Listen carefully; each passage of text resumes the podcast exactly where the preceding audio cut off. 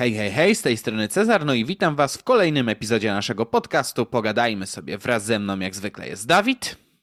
Czołem.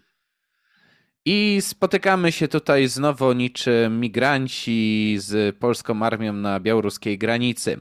E, szanowni Państwo, nim jednak przejdziemy do jakże wartkich i bieżących tematów, warto najpierw poodpowiadać na pytania od naszych patronów i widzów. Jednakże, jako że patroni mają nas tam, gdzie Białoruś ma przyszłość imigrantów, których następnie próbuje ale wyemigrować płacą. na Europę, no ale płacą, no to, to, to, to nie mamy od nich pytań, także od razu przejdziemy do maili. Pierwszy mail dzisiaj jest od kapitana Sosnowca, ale nie, nie przeczytam tego maila, bo w sensie nie, nie wiem, czy widzisz przy pseudonimie, jak, jak wygląda mail, to, to ja go nie czytam. Przejdę już do treści. Um, Awe Cezar, Awe Dawid.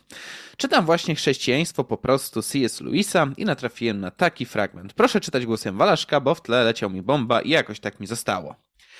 Istnieje pewna rada udzielona nam przez pogan ze starożytnej Grecji, Żydów w Starym Testamencie i wielkich nauczycieli chrześcijańskich okresu średniowiecza, którą współczesny system gospodarczy całkowicie odrzucił. Wszyscy oni mówili, że nie należy pożyczać pieniędzy na procent. Tymczasem pożyczanie pieniędzy na procent, co nazywamy inwestycją, to podstawa całego naszego systemu. Nie wynika z tego niezbicie, że czynimy źle. Niektórzy twierdzą, że kiedy Mojżesz, Arystoteles i chrześcijanie zgodnie zakazali pożyczania na procent, co nazywali lichwą, nie mogli przewidzieć istnienia spółek akcyjnych i myśleli wyłącznie o prywatnym wierzycielu. Dlatego też możemy się nie przejmować tym, co napisali. Nie chciałbym decydować o tej kwestii. Nie jestem ekonomistą i zwyczajnie nie wiem, czy to system inwestycyjny jest przyczyną stanu, w którym się znajdujemy, czy też nie. Tutaj potrzebny jest chrześcijański ekonomista, ale uczciwość wymaga, żeby powiedzieć, że trzy wielkie cywilizacje najwyraźniej zgodnie potępiły coś, na czym oparliśmy całe nasze życie. Nie mam pod ręką żadnego chrześcijańskiego ekonomisty, ale myślę, że agnostyk od biedy też się nada. Czy obawy Luisa były słuszne? Czy lichwa na wielką skalę działa inaczej niż indywidualnie? Czy jesteście w ogóle fanami podejścia, no jak kiedyś tak było, to coś w tym musi być? I czy moralność chrześcijańska lub jakakolwiek może żyć w zgodzie z prosperującym biznesem? Przy okazji friendly reminder, że kanał czterech miesięcy nie żyje, jak go szturchnąłem patykiem, to zaczęło śmierdzić. Smacznej herbatki i wiadomo co, wiadomo kogo, Mateo. Pięknie dziękujemy za mail. Mamy nadzieję, że trup rozkłada się jak należy. Natomiast jeśli chodzi o kwestię lichwy, to zacznijmy naszą rozmowę od Arabów. Dobrze. Otóż kraje arabskie mhm. słyną właśnie najbardziej z tego, że są tymi nacjami, które właśnie no, Litwę szczególnie potępiają. E, na przykład, jak u nas banki mają bardzo dużą swobodę w ustalaniu procentu, jaki pobierają od swoich wierzycieli, mm, tak, tamtejsze banki mają bardzo surowe restrykcje pod tym kątem.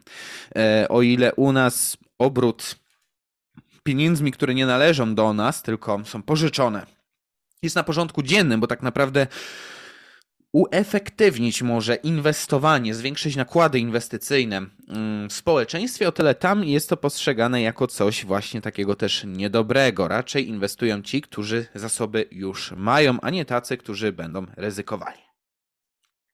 To teraz pytanie, czy lichwa na wielką skalę może działać inaczej niż na małą skalę? Cóż, z instytucjami, jakie by one nie były, gospodarczymi, finansowymi, jest tak, że czym większe się stają, z jednej strony mają coraz więcej narzędzi do wywoływania nacisku na określone grupy interesu, szczególnie te polityczne.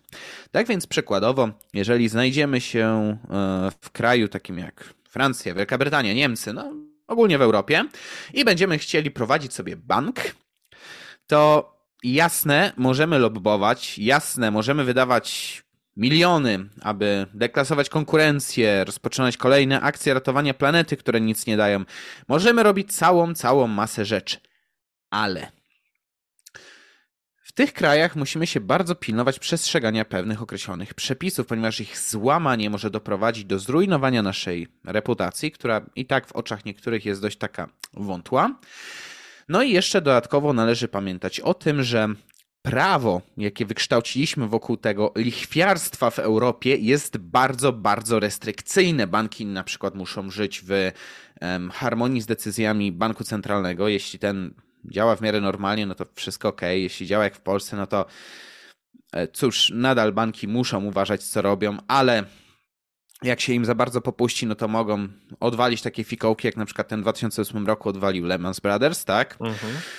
Um, Innymi słowy, przez dosłownie setki lat wykształciliśmy pewne standardy funkcjonowania bankowości i kredytowania. W związku z czym, no, pewna protekcja jest obecna. Oczywiście, czym instytucja mniejsza, mm, jeśli mówimy na przykład o instytucjach parabankowych albo indywiduach, które będą pożyczały nam pieniądze, tym mniejsze zabezpieczenie posiadamy. No, choćby ze względu na skalę majątku, jakie posiada taki podmiot. W związku z tym. Mm, Duża lichwa można by powiedzieć, że działa na trochę innej zasadzie, ponieważ w ramach tej dużej lichwy mhm musimy spełniać pewne standardy czy kryteria funkcjonowania, które wykształciliśmy przez wiele, wiele lat. I pomimo, że jasne, banki nadal mogą mieć pewne wałki, nie jest to wykluczone zupełnie, no to są to też instytucje, które rozumieją, że dużą część swojego interesu opierają na e, pewnej renomie. Mm, w związku z tym same nauczyły się trochę o nią dbać. I no jeżeli mamy w miarę rozsądnych właścicieli tych banków, no to nie podejmują oni aż takiego ryzyka, aby utracić swoją no, takie zaufanie społeczne. Natomiast w krajach arabskich, chociażby ze względów kulturowo-religijnych, tak jakby ta potrzeba aby banki hamowały się, że już nie zacytuję do końca Jabłonowskiego, e, no to tam jest to jakby narzucone z góry przez e, prawo państwowe, często powiązane z religijnym. Świat arabski w ten sposób do tego podchodzi. Natomiast u nas, no plusem tego, że taka duża lichwa jest dozwolona, no jest to, że faktycznie łatwiej o pieniądze do inwestowania. Więc więcej osób może podjąć się ryzyka inwestycyjnego i coś z tego może być. Jednakże z drugiej strony istnieją też instytucje, tak jak instytucje parabankowe, które Y, ze względu na to nawet, że działają na dużo mniejszą skalę, w sensie pożyczają na przykład mniejsze sumy pieniędzy, to muszą dużo większy procent naskosić, albo no, zdarza się, że funkcjonują jakieś podmioty mniej czy bardziej legalne, które no, pożyczają te pieniądze na swoich własnych zasadach. I to jasne może doprowadzić ludzi do ruiny, bo taka działalność ze względu na chodzi o niewielką skalę yy, i no, działanie troszeczkę pod przepisami, bo większe instytucje jest jakby łatwiej pod tym kątem kontrolować, no może doprowadzić do ruiny ludzi, więc lichwa może służyć społeczności pod warunkiem, że jest ona prowadzona według pewnych standardów i nazywamy to kredytowaniem albo pożyczaniem pieniędzy od banków, tak? Jednakże lichwa drobna no, z jakiegoś powodu wyrogowaliśmy ją i raczej zaczęliśmy stawiać na banki. Z jakiegoś powodu zaczęliśmy na przykład wprowadzać certyfikaty jakościowe albo e, wymuszać na bankach, aby te uzyskiwały akredytację ze strony na przykład banku centralnego, tak? Tak więc, żeby bank był bankiem, musi spełniać naprawdę wysokie standardy. Natomiast ci drobniejsi już nie muszą ich spełniać, co może powodować pewne problemy. Teraz. Pod tym kątem polecam no? bardzo postę Malcolma XD na temat pożyczek. E, pisał ją na podstawie, swoją audycję na ten temat, pisał ją na podstawie e, opowieści jego kolegi, który się zapożyczał w Providentach i innych takich. E, mhm. Miał takie sytuacje, że na przykład jakieś Sebiksy stały mu pod, pod blokiem z łomami i głośno rozmawiali o tym, że tego spod tego mieszkania to by zatłukli za to, że nie oddał tych pieniędzy. Były sytuacje, gdzie mu wsadzili martwą rybę do skrzynki pocztowej, potem sąsiedzi go wypytywali, ej, typie, dlaczego masz martwą rybę w skrzynce pocztowej i jebie na cały blok? I dużo innych e, mało przyjemnych rzeczy związanych z tym, że pieniądze zostały zwrócone w terminie. A, a, a apetycznie. E, tak widzę, że trochę się chyba chłopaki inspirowali ojcem chrzestnym.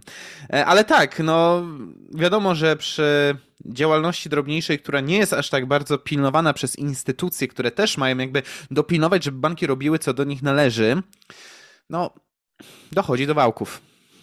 Więc coś w tym jest, aczkolwiek należy dostrzegać moim zdaniem mocno te atuty mm, systemu bankowego. Kolejne pytanie to było, czy jesteśmy w ogóle fanami podejścia na kiedyś tak było, to coś w tym musi być. Jako konserwatyw ja tak, jako konserwatywny, konserwatysta ewolucyjny, tak, zwracam uwagę na to, że z czegoś coś musi wynikać. Jednakże moje podejście opiera się też mocno o to, co jest efektywne i dostosowane do obecnych warunków. W związku z tym, to, że kiedyś coś działało i funkcjonowało, to nie znaczy, że w warunkach przyszłych, zmienionego już społeczeństwa czy systemu, będzie działać to nadal tak samo. Pamiętajmy chociażby, że początki systemów kredytowania sięgają tak XIV-XV wieku w Europie, że tak się zaczęło to porządnie rozwijać. Zaczęło się od tego, że włoscy kupcy, którzy bali się puścić jakichś tam swoich handlowców z dużą ilością pieniędzy, no bo trakty były wtedy dość niebezpieczne, stwierdzili, masz tu weksel, pojedziesz do mojego kumpla zamontowanego w innym mieście, jak mu to pokażesz, to on ci wyda wtedy pieniądze i możesz sobie działać na przykład. Mhm. W ten sposób to realizowano i potem przerodziło się to już w coraz bardziej, bardziej złożony i taki no, skoordynowany system bankowy. E, tylko, no powiedzmy sobie szczerze, dzisiaj weksel to jest jeden tak naprawdę z dziesiątek narzędzi finansowych, jakich możemy używać. Dlaczego? Bo świat z jednej strony stał się dużo bardziej skomplikowany, złożony, różne transakcje wymagają różnego poziomu zabezpieczenia albo formalizmu. Mhm. Z drugiej strony rozwinęła się technologia, której można do tego użyć, więc pewne formy kredytowania, pożyczania i tak dalej stały się możliwe. No, chociażby jeszcze nie wiem, tak z 15 lat temu ludzie by nie myśleli o tym, żeby brać kredyt przez internet, a dzisiaj to się stało standardem, prawda? No i. Dzisiaj mamy blik. O, dzisiaj mamy blik. O, tak, po, Polska Strong, bo mamy blika. Dokładnie tak, ale e, uważam, że fakt, że wypracowywaliśmy te standardy długie lata i w obecnej formie one są funkcjonalne, nie mówię, że doskonałe, ale są funkcjonalne, to tak, jedno powinno wynikać z drugiego. Zresztą system bankowy, jakby prześledzić, jak funkcjonował, to jego droga była bardzo ewolucyjna. Tam jedno wynikało z drugiego. Powolne adaptacje do zastanych warunków miały miejsce. Natomiast. Jeszcze zależy gdzie. Co masz na myśli? No to, że na przykład takiej usługi jak Blik w Europie za bardzo nie ma. Jesteśmy chyba ewenementem, jeśli chodzi o Europę. Tak. Jeśli chodzi o nasz kraj, chyba Rumunia też jest w miarę rozwinięta bankowo, jeśli chodzi o nowoczesne technologie. E, mhm. W Niemczech chyba nie ma w ogóle czegoś takiego jak Blik. W ogóle w Europie są dopiero jakoś szerzej rozwijane bramki płatnościowe, jeśli chodzi o banki. E, mhm. Już nie mówiąc o Ameryce, gdzie nadal są obecne czeki, u nas w Polsce czeki w ogóle nie wypaliły. E, mhm. I w Ameryce ta stara bankowość nadal jest dosyć mocno obecna, ponieważ bardzo ciężko jest przejść ze starych systemów bankowych na nowe. My w mhm. Polsce też część tych systemów mamy przestarzałych, bo no jak chcemy puścić standardowy przelew z banku do banku, to musimy trochę poczekać, aż on się przeksięguje. W przypadku Blika idzie to na przykład natychmiastowo, więc mhm. jakby te banki się adaptują, tak, ale zależy gdzie i te tempo może być albo ekstremalnie wolne, tak jak w wielu miejscach w Ameryce, e, albo dosyć szybkie, tak jak u nas w Polsce z tego względu, że my jakby tak nagle mhm. wskoczyliśmy w ten system i mogliśmy pewne rzeczy nie tyle nadganiać, co wyznaczać swoje własne standardy. Zgodzę się, natomiast um, ja w mojej wypowiedzi jakby skupiłem się na tym, że um, właśnie dostrzegłeś tutaj pewien duży problem związany z systemem bankowym i mhm. to, dlaczego ja tak bardzo uderzam w to, że on musi ewoluować, bo na przykład problemem z przestarzałością systemów bankowych, w, nie dajmy na to w jakimś tam stopniu w Niemczech, czy jeszcze bardziej w Ameryce, wynika z tego, że system finansowy nie może tak po prostu przestać działać. Nie możemy odrzucić pewnych standardów, które już są, bo to by uniemożliwiło na przykład płynne przekazywanie pieniędzy w gospodarce jej skuteczny obieg. Natomiast, jasne, powinniśmy dążyć do efektywniejszych rozwiązań, tylko jednocześnie nie możemy tego systemu wyłączyć. To jest tak, jakbyśmy znaczy, można to porównać do operacji na człowieku. My człowieka chcemy, jasne, ulepszyć, naprawić, mm, zrekonstruować, ale nie możemy przerwać jego życia w ramach nie, tej no, operacji. No wiadomo. Nie, nie, twierdzę, że mamy przerywać życie, tylko chciałem jakby pokazać, że bank, hmm? bankowość ogółem w perspektywie całego świata nie ewoluuje tak szybko, jak nam się wydaje. Z wiele miejsc, gdzie to naprawdę idzie cholernie tak. ślamazarnie. E, I, I, nie wiem, czy kiedyś dojdziemy do momentu, kiedy świat pod kątem bankowym, jeśli chodzi o większość takich cywilizowanych państw, będzie stał w tym samym momencie technologicznym. Ale True. kto wie, może kiedyś się tego doczekamy, może kiedyś nie, na przykład blockchain stanie się podstawą bankowości i jakby kraje będą mogły w miarę szybko to wdrożyć, e, a w innym wypadku, no to cóż, no będziemy nadal mieli ogłoszenia dla y, programistów Kolobota za 40 tysięcy miesięcznie. Tak. Natomiast myślenie, że kiedyś tak było, to coś w tym musi być, potrafi być zgubne. Natomiast co, w czym mogą mieć rację te wielkie religie opisywane przez Luisa, to to, że tak drobna lichwa to jest działalność nastawiona na zysk, jak wszystko w systemie gospodarczym, tak? gospodarce robi się coś po to, żeby zarobić generalnie rzecz ujmując, tak? Albo żeby zyskać coś, co ma dla nas większą wartość niż pieniądze, które posiadamy. W związku z tym e, lichwa, która byłaby w żaden sposób nieograniczona, ostatecznie mogłaby prowadzić do pewnej degrengolady, powodować ruinę masy ludzi. Zresztą wystarczy poczać sobie zbrodnię i karę i dowiedzieć się, jaka jest historia lichwiarki, jak skończyła, tak? To była tak naprawdę no, z perspektywy głównego bohatera, no, tak, taki chwast na e, organizmie narodu i no i co? No i bohater wyrwał chwasta, tylko potem no, tylko jednak był winny teraz... morderstwa. O, oczywiście, ale, że był winny no. morderstwa, ale pytanie, czy nie powinniśmy na to spojrzeć z innej perspektywy. Mała mhm. lichwa być może nie może być aż tak dobrze obecna, tak jak mogłoby się wielu wydawać z tego względu, że ci mali lichwiarze nie są w stanie się tak skutecznie zabezpieczyć, tak jak wielkie banki na przykład. Um, oczywiście, że nie są, no bo nie w mają W przypadku zbroni kary wystarczyło zabić jedną osobę. W przypadku całej instytucji bankowej, no nie są takie hop -siup. Fakt. Natomiast taka instytucja finansowa, um, inaczej, jeżeli system finansowy i instytucje, które mają działać jako zabezpieczenie systemu, działają dobrze, no to taki system raczej nie powoduje ruiny ludzi, chyba że no, jakaś nietypowa sytuacja życiowa będzie miała miejsce, albo tacy ludzie po prostu nabiorą kredytów, których nie są w stanie spłacić. Natomiast. No właśnie chciałem podać przykład kryzysów gospodarczych.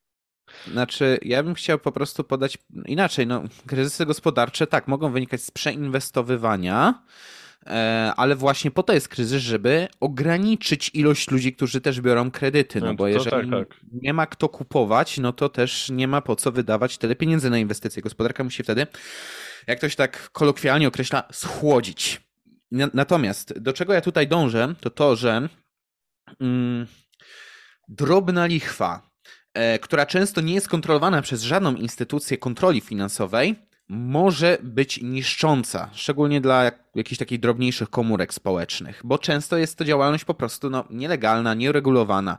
Natomiast działalność, która byłaby regulowana przez chociażby jakieś standardy bankowe wytyczane przez jakieś instytucje, niezależnie od tego, czy to byłyby instytucje prywatne czy publiczne, bo z jednej strony mamy na przykład banki centralne, mamy, nie wiem, Komisję Nadzoru Finansowego w Polsce, ale z drugiej strony będziemy mieli instytucje, które zajmują się ratingiem kredytowym, tak? To wszystko wpływa na to, że banki są w stanie funkcjonować. Natomiast jeżeli takie instytucje coś prześpią, no to ten system wielkiej lichwy też może być niszczący. Na przykład, jak to miało miejsce w 2008 roku, kiedy przez stan tragiczne po prostu zaniżenie standardów bankowych. W Ameryce mieliśmy zjawisko ninja, czyli ludzi, którzy mieli nie, żadnego dochodu i żadnej pracy. No income, no job. A kredyty otrzymywali. No i w wyniku tego banki no, nie otrzymywały wpływów na czas. Okazało się, że utraciły płynność, stały się nierentowne i zaczęły padać jak domino. Chyba, że no, powstrzymała to tak naprawdę po części inwestycja, ogromna inwestycja poczyniona przez Fed, a z drugiej strony no po prostu zamrożenie wszystkich na zasadzie dobra, kurna, musimy to ogarnąć, żebyśmy nie padli, tak? E, więc wielka lichwa, jak to określił Louis, mm, jasne, może doprowadzić do katastrof, do kryzysów, jednakże no, nie chciałbym żyć w świecie, gdzie mo nie mogę szybko nadać pieniędzy, gdzie nie mogę łatwo przetransferować, przetransferować środków bez ruszania się tak naprawdę z jednego pomieszczenia, e, bez tych uefektywnień, które zapewniają banki. Więc no, Plusy dodatnie, plusy ujemne, jak to mawiał nasz eks-prezydent. Jednakże uważam, że no, ta wielka lichwa jednak istnieć e, musi. To jest taki, system, no, taka, taki kluczowy wręcz element systemu kapitalistycznego. Instytucje zajmujące się przekazywaniem kapitału, czyli banki i giełdy. No, świat arabski, mimo że jest bardzo nie na, w kierunku lichwy, to jednak też umożliwia funkcjonowanie bankom, tylko w dużo bardziej restrykcyjnym reżimie. Okay. E, no i ostatecznie, czy moralność chrześcijańska lub jakakolwiek może żyć w zgodzie z prosperującym biznesem? Oczywiście, że tak. Jeśli bardzo chcesz, to może. E, polecam też wykład księdza Gniatka, który miał miejsce na naszym klubie Kasy Toruń. E, tam ksiądz Gniatek też opowiadał o kwestii powiązania kapitalizmu z świętym, e, Pismem Świętym, jeśli dobrze pamiętam, mm -hmm. i wskazywał na elementy, które wskazują, że w pewnym sensie Kościół powinien nauczyć o biznesie i jak i też o samej ekonomii, więc tak, jak najbardziej da się to w pewnym sensie połączyć i bardzo polecam ten, ten wykład, bo jest tam całkiem sporo wiedzy.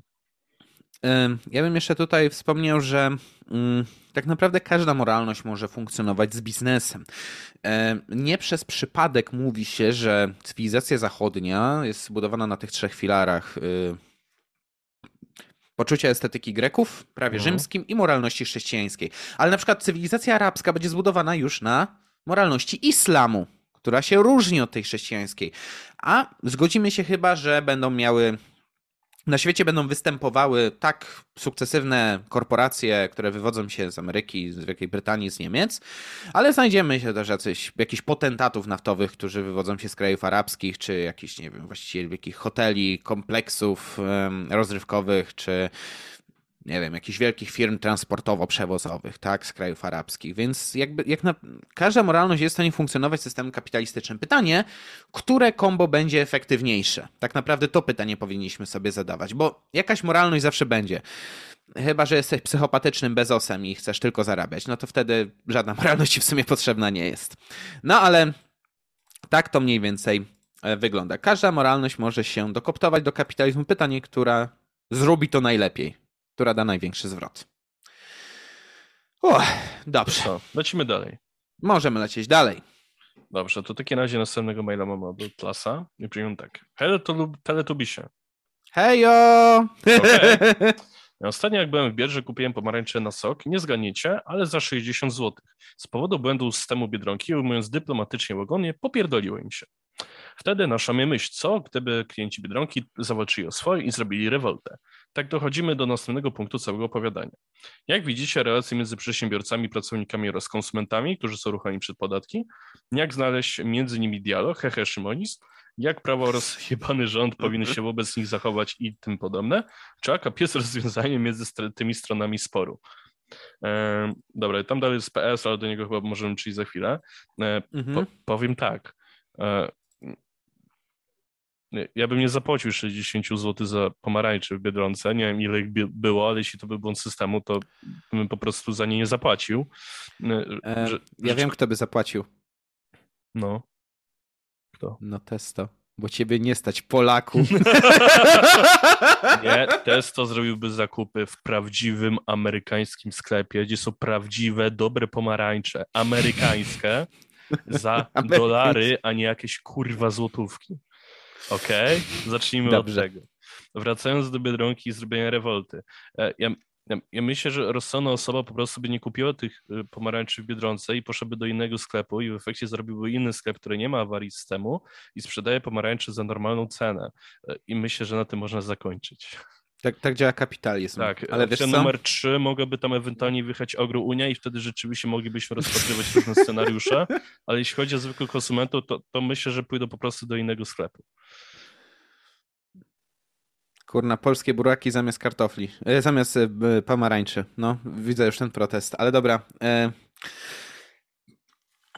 Ale właśnie to jest piękno kapitalizmu, że tak naprawdę nie trzeba robić żadnej rewolty, nie trzeba iść na biedronkę z kijami, pochodniami i widłami. Zazwyczaj koło takiej biedronki znajdziemy jakąś, nie wiem, jakiegoś Lidla, Żabkę, nie wiem, Piotra i Pawła, czy nawet jakiś zwykły warzywniak. I pójdziemy tam, zapłacimy normalną cenę i tyle. W kapitalizmie należy pamiętać, że nie podejmujemy decyzji siłą czy nawet argumentami, podejmujemy je portfelem każda działalność gospodarcza jest skalkulowana na to, czy przynosi zysk. W związku z tym, jeżeli jakieś nasze działania są błędne i powodują, że nie przynosimy zysku, to nie zgadniecie. Ale będzie trzeba naprawić ten błąd. Albo to jebnie, Stefan. To jebnie. No właśnie. E, Natomiast nie polecamy e, kupywania trylogii GTA, San Andreas i tak dalej. Dziękujemy za wystąpienie w naszym tytułku, to znaczy uczestnictwo. Dokładnie tak. Jestem, jestem zawiedziony tym, tą try, trylogią, bardzo. San Andreas zawsze w serduszku. Mnie bardziej Dobra. to śmieszy, ale okej. Okay. E, znaczy, wiesz, inaczej, ja nie spodziewałem się cudów, ale żeby to chociaż działało i nie ściągnęli tego dzień po premierze, no nie? Rockstar, dzień, dzień dobry. Tak, no już się zjechały większość tych, tych... Inaczej, re, reputacja większości korporacji produkujących gry już dawno została zniszczona. Um, dobrze, ale tutaj jest kilka pytań. Mhm. Jak widzimy relacje między przedsiębiorcami, pracownikami a konsumentami, którzy są ruchani przez podatki. Jak widzimy te relacje? Bardzo oficjalne i często bez pomyślunku o tym drugim człowieku. To znaczy tak, każda z tych grup ma inny cel. Pracodawca, żeby jak najwięcej zrobić. Pracownik, żeby jak najmniej się narobić. A konsument, żeby kupić to, co akurat potrzebuje. W związku z tym. Najtaniej jak to możliwe, bardzo często. Niekoniecznie, bo znaczy, subiektywne są potrzeby ludzkie. bardzo często. Znaczy. No i szukujmy się, Biedronka wygrała tym, że ogłasza, że ma najniższe ceny. No Lidl poszedł drogą posiadania niskich cen, gdzie kiedyś Mówisz o rynku się FMCG. Na ekskluzyw... Tak, kiedy, kiedy, kiedyś Lidl promował się przecież na przykład na ekskluzywny e, sklep z produktami z wyższej półki. Już nie mówiąc o Piotrze i Pawle, który upadł. Mówisz który promował się na bardzo rynku... ekskluzywny sklep. Mówisz tylko o rynku FMCG, Fast Moving Consumer Goods, czyli mhm. szybko takich zbywalnych dóbr konsumpcyjnych. Co z elektroniką, co z samochodami, co z, nie wiem, usługami jakimiś. Zazwyczaj no, nie chcemy wydawać FMCG, mało. Bo rozmawialiśmy o pomarańczach, no to raczej jest ten rynek. No, ale to nie jest uniwersalne dla całej gospodarki. Oczywiście, w różnych tak. sektorach to będzie działało inaczej. I teraz tak. Oczywiście, że będą konflikty pomiędzy tymi grupami, które zostały tu wspomniane, bo Przedsiębiorca będzie poganiał pracownika, żeby jak najwięcej zrobił za jak najmniej. Pracownik, żeby zrobić jak najmniej za jak najwięcej. A konsument, a to zależy jak już mu się wywali. Czy, czy będzie miał zły dzień i nie wiem, opierdzieli jakąś panią kasjerkę w Polo, w Biedronce czy innym lewiatanie, albo, no nie wiem, uszanuje pracę tej osoby i zrozumie, że no być może nie jest ona w jakiejś złotej sytuacji i może jej pomóc, no będąc zwyczajnie ludzkim. W związku z tym, mm, to są takie naczynia ze sobą połączone, powiązane, mhm. za, często przez jakieś takie, no, no, nie, nie ma co ukrywać, ale dość oficjalne zasady, bo pracownika wiąże umowa, pracodawcę wiąże prawo nie wiem, pracy, czy tego, jak funkcjonują konkretne spółki, tak, e, podmioty gospodarcze. Mm, konsumenta też przecież obowiązuje regulamin albo obowiązek zapłacenia za to, co kupuje, tak, więc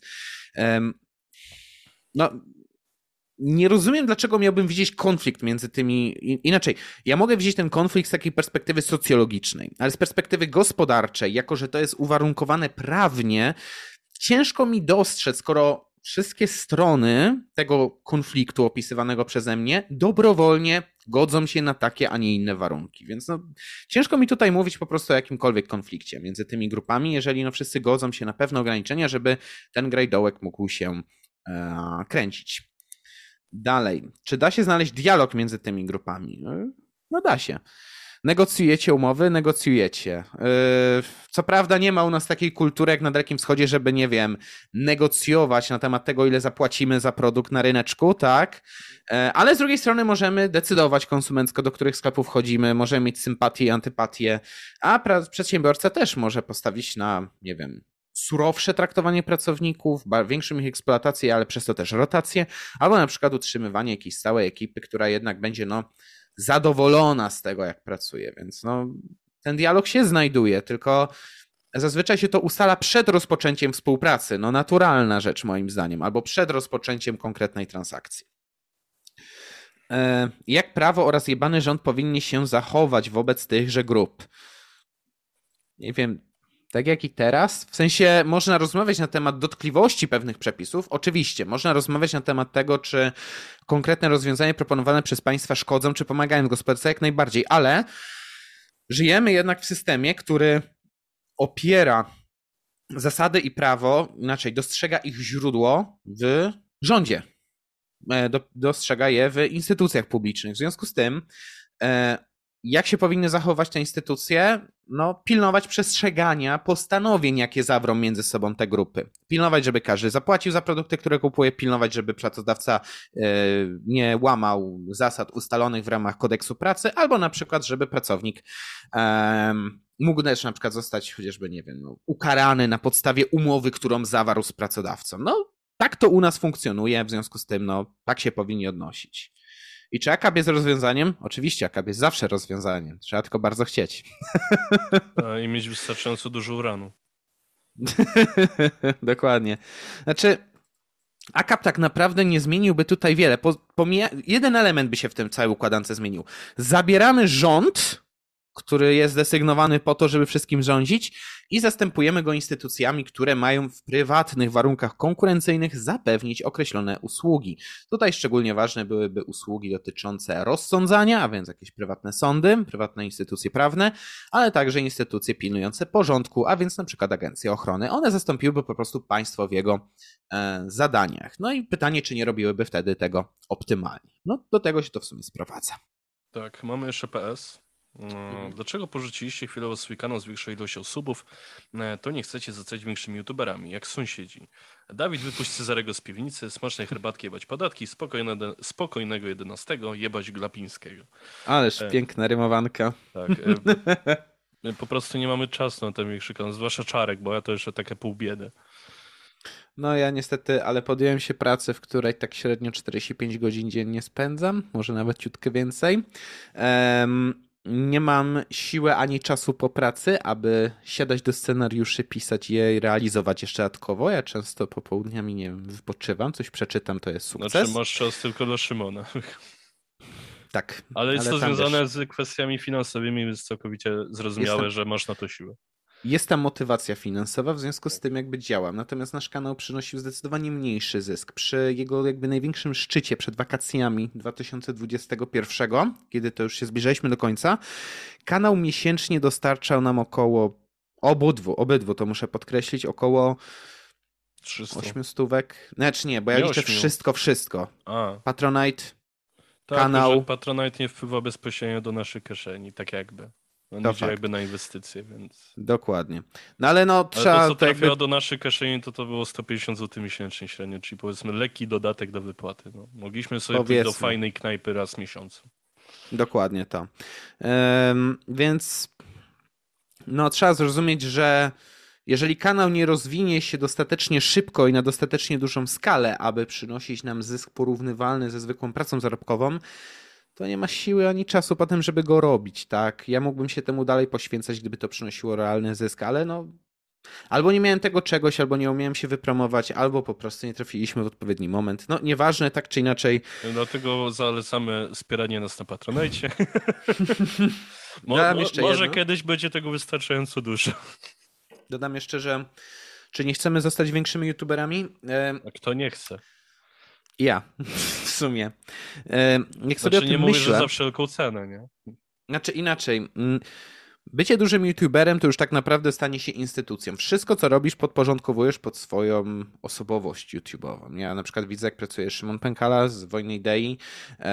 wiem też trochę na temat tego, jak pracuje twórca, nie wiem, ale się dowiem, człowiek absurdalny. Mam tam jakiś, powiedzmy, kontakt i informacje na ten temat.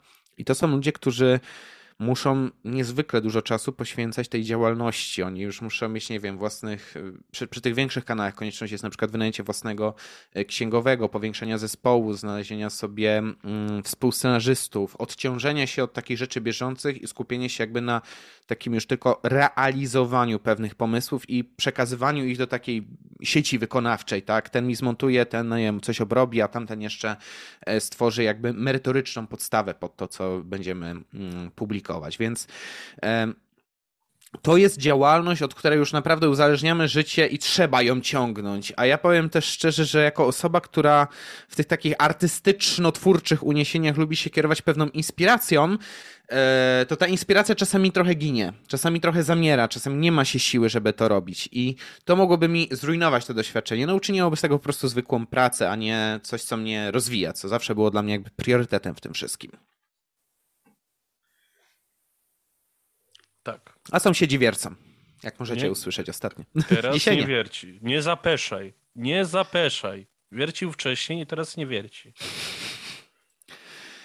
A, a ja już nie mieszkam w piwnicy od y, trzech lat. Dziękuję bardzo. Bo, bo kiedyś to autentycznie mieszkałem w piwnicy. Teraz masz piwnicę na drugim piętrze. Tak, dokładnie. E, no dobrze, to możemy chyba przejść do pytania kolejnego. Dobrze. Od mało ciekawe. Hehe, Awe Cezar. Tym razem będzie ciekawe. Tak, to, to, to, to brzmi teraz tak. Awe Cezar, Awe Wojtyła. O matko. Jesteś papajem, Dawid. Wybaczcie, że tak późno piszę, jednak nie miałem pomysłu, więc poruszę temat. Czy toksyczna męskość może istnieć? Oczywiście nie popieram lewakowania, czytałem też Jordana B. Petersona, jednak coś takiego może istnieć. Samemu radzę sobie psychicznie z problemami, myślę jedynie logiką oraz jestem silny co do mojej woli podejścia do jednej rzeczy po 10 razy nie rezygnując. Jednakże depiluję się, noszę paski na szyję, ćwiczę, ale na WF-ie wciąż pamiętam, jak śmiali się ze mnie z braku dużej tężyzny. Oraz maluję paznokcie na czarno, bo lubię taki styl. Jestem męski, bo umysłowo całkowicie staram się być indywidualny. Pamiętam, gdy moja klasa, matka oraz kilka osób mówiła, że muszę zmężnieć. W klasie byłem dobrze traktowany.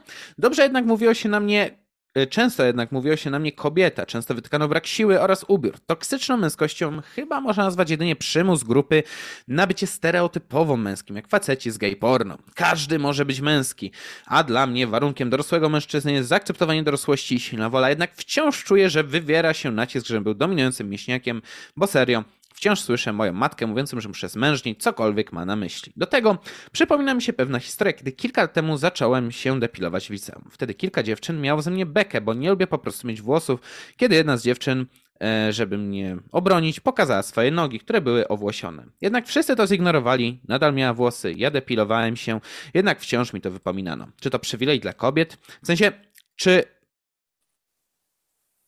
czy chłopczyca chyba tu miało być, mhm. lub typowo dziewczęca dziewczyna jest w większości akceptowalna, jednak lekko kobiecy facet, przynajmniej z wyglądu, jest wytykany palcami.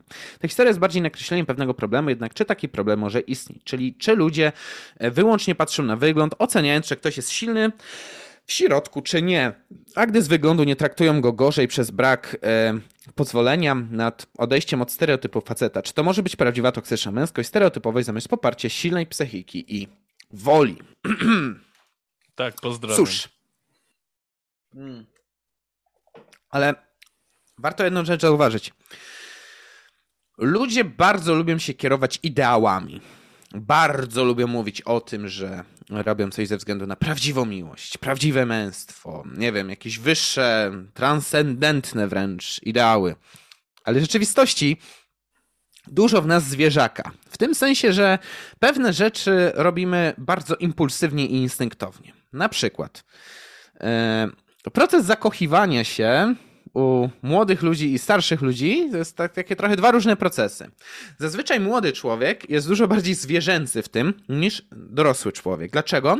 Bo buzują w nim jeszcze mocno hormony tak. i tak naprawdę kieruje się no, pierwotną potrzebą no, powiększania gatunku, że tak powiem, tak? Czy raczej przyjemną, przyjemnym aspektem tegoż. Natomiast człowiek dorosły, doświadczony życiowo, będzie już raczej myślał o tym, hmm, Dobra, mogę się z kimś związać, ale właśnie co to dla mnie oznacza życiowo? Czy taka osoba będzie dla mnie kulą u nogi, czy może faktycznie pomoże mi w rozwinięciu się, w zmierzeniu się ze stresami, nie wiem, codziennymi, takimi jak praca, czy jakieś tam obowiązki wobec y, najbliższych, e, czy z kolei może być to osoba, która po prostu, nie wiem, nie wykończy, zabierze mi część pieniędzy i wyleci na Majorkę z jakimś e, hiszpańskim czadem. No, to jest pytanie, e, które będzie sobie taka osoba być może właśnie zadawać. I mm, dlaczego ja w ogóle to przytaczam? Bo przy okazji rozmowy o toksycznej męskości działa trochę podobny mechanizm. Znaczy, są ludzie, którzy przez pryzmat stereotypów i bardzo takiego impulsywnego oceniania, moralizowania wszystkiego, znowu ja mógłbym tu przywoływać e, Jarona, e, Jarona Bruka, tfu. E, chodzi mi oczywiście o mm, prawy umysł Hajta, gdzie ten właśnie opisywał, że człowiek jakby ocenia bardzo impulsywnie, instynktownie i on może co najwyżej lekko to skorygować, jak nad tym zimno pomyśli. Tylko sęk w tym, że człowiek, który czegoś doświadczył, który dużo przeżył, który um, no, widział już to i owo, zderzał się z różnymi ludźmi, kulturami, e, doś, e, doświadczeniami, z czasem będzie miał możliwość, aby ten proces logicznego myślenia mógł coraz mocniej wpłynąć na to, jak postrzega pewne kwestie. Łatwiej będzie mu przyznać się do błędu i e, powstrzymać się od takiego gwałtownego oceniania. Ewidentnie jest tutaj perspektywa młodej osoby przedstawiona, ponieważ młodzi ludzie częściej kierują się impulsami instynktami niż w świecie dorosłym, gdzie każdy jest. Znaczy, no, o, o świecie dorosłych się trochę tak żartuje na zasadzie, że to jest świat, w którym wszyscy są zmęczeni i mówią o tym, jak są zmęczeni innym. Więc trochę nie mają trochę czasu, tak. żeby tak robić. Chociaż oczywiście znajdą się tacy, którzy no, no muszą oceniać, bo no, nigdy nie wyrośli z powiedzmy tego poziomu, który osiągnęli w wieku tam, nie wiem, powiedzmy wczesnych lat dwudziestych swojego życia. I teraz, czy toksyczna męskość istnieje? Tak, tylko pytanie, jak ją zdefiniować, bo na przykład lewica w swoich domysłach to się już posuwa do ekstremów, mam wrażenie, przy opisywaniu toksycznej męskości. W sensie, Mam ostatnie wrażenie, że czegokolwiek nie zrobią pewne grupy dla lewicy, to jest źle. Z Marszem Niepodległości teraz tak, tak było. Samo bardzo często. Tylko... Tak, oczywiście, tylko tak chcę teraz przytoczyć, że przy okazji Marszu Niepodległości teraz lewica, jakby się coś stało, to by trąbili o tym na prawo i lewo, ale jak się nic nie stało, to, to w sumie też zaczęli o tym, trąbić. że nic się nie stało. Dokładnie, więc. Że nic się nie stało, ale nadal tam była taka ilość nienawiści, że ja pierdolę. Dokładnie tak. I oczywiście prawica też może do czegoś takiego doprowadzać, do takiego e, oceniania z góry pewnych e, zjawisk czy postaw. Um, natomiast. Natomiast, natomiast, natomiast. Mm, pytanie, którzy przesadzą w którą stronę.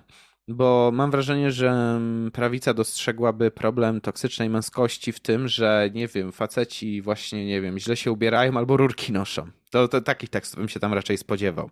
I fakt, że chyba tym złotym środkiem byłoby czucie się dobrze sam ze sobą. Um, oczywiście różne będą charaktery różni ludzie. W związku z tym jedni na przykład bardziej będą dopasowani do grupy, mm, bardziej będą chcieli przyjąć taki styl, w którym no, trochę znikną w tym tłumie, ale przez sobie na przykład będą się czuli bezpieczniej albo pewniej w tym tłumie, a będą tacy, którzy będą nonkonformistami, będą chcieli się z niego wyróżnić i żyć po swojemu. I teraz jednych i drugich mogą spotkać z tego tytułu szykany. Tak naprawdę. Ci, którzy podejmą się konformizmu, co prawda będą bezpieczni, ale być może będą się czuli wypaleni przez to, że nie mogą wyrazić w pełni siebie. A ci, którzy będą nonkonformistami, no, mogą mieć szykany przez to, że nie żyją według przepisu, jak inni na nich widzą. Matka, ojciec, kochanka, syn, wnuczek, czy dajmy na to współpracownik w e, miejscu pracy. Więc pytanie, co to jest toksyczna męskość? Mm, to jest chyba taki to się ładnie określa w zachodniej kulturze jako mm-hmm. e, taki strowman trochę. To, to, jest taki strach na wróble. To jest no taka, takie sformułowanie, żeby zbić czyjąś samoocenę czy pewność siebie, tylko dlatego, że nam w pewien sposób nie odpowiada. Problem z takimi sformułowaniami jest taki, że mają one charakter dość ogólny i trochę ciężko stwierdzić, czym właściwie ta toksyczna męskość ma być.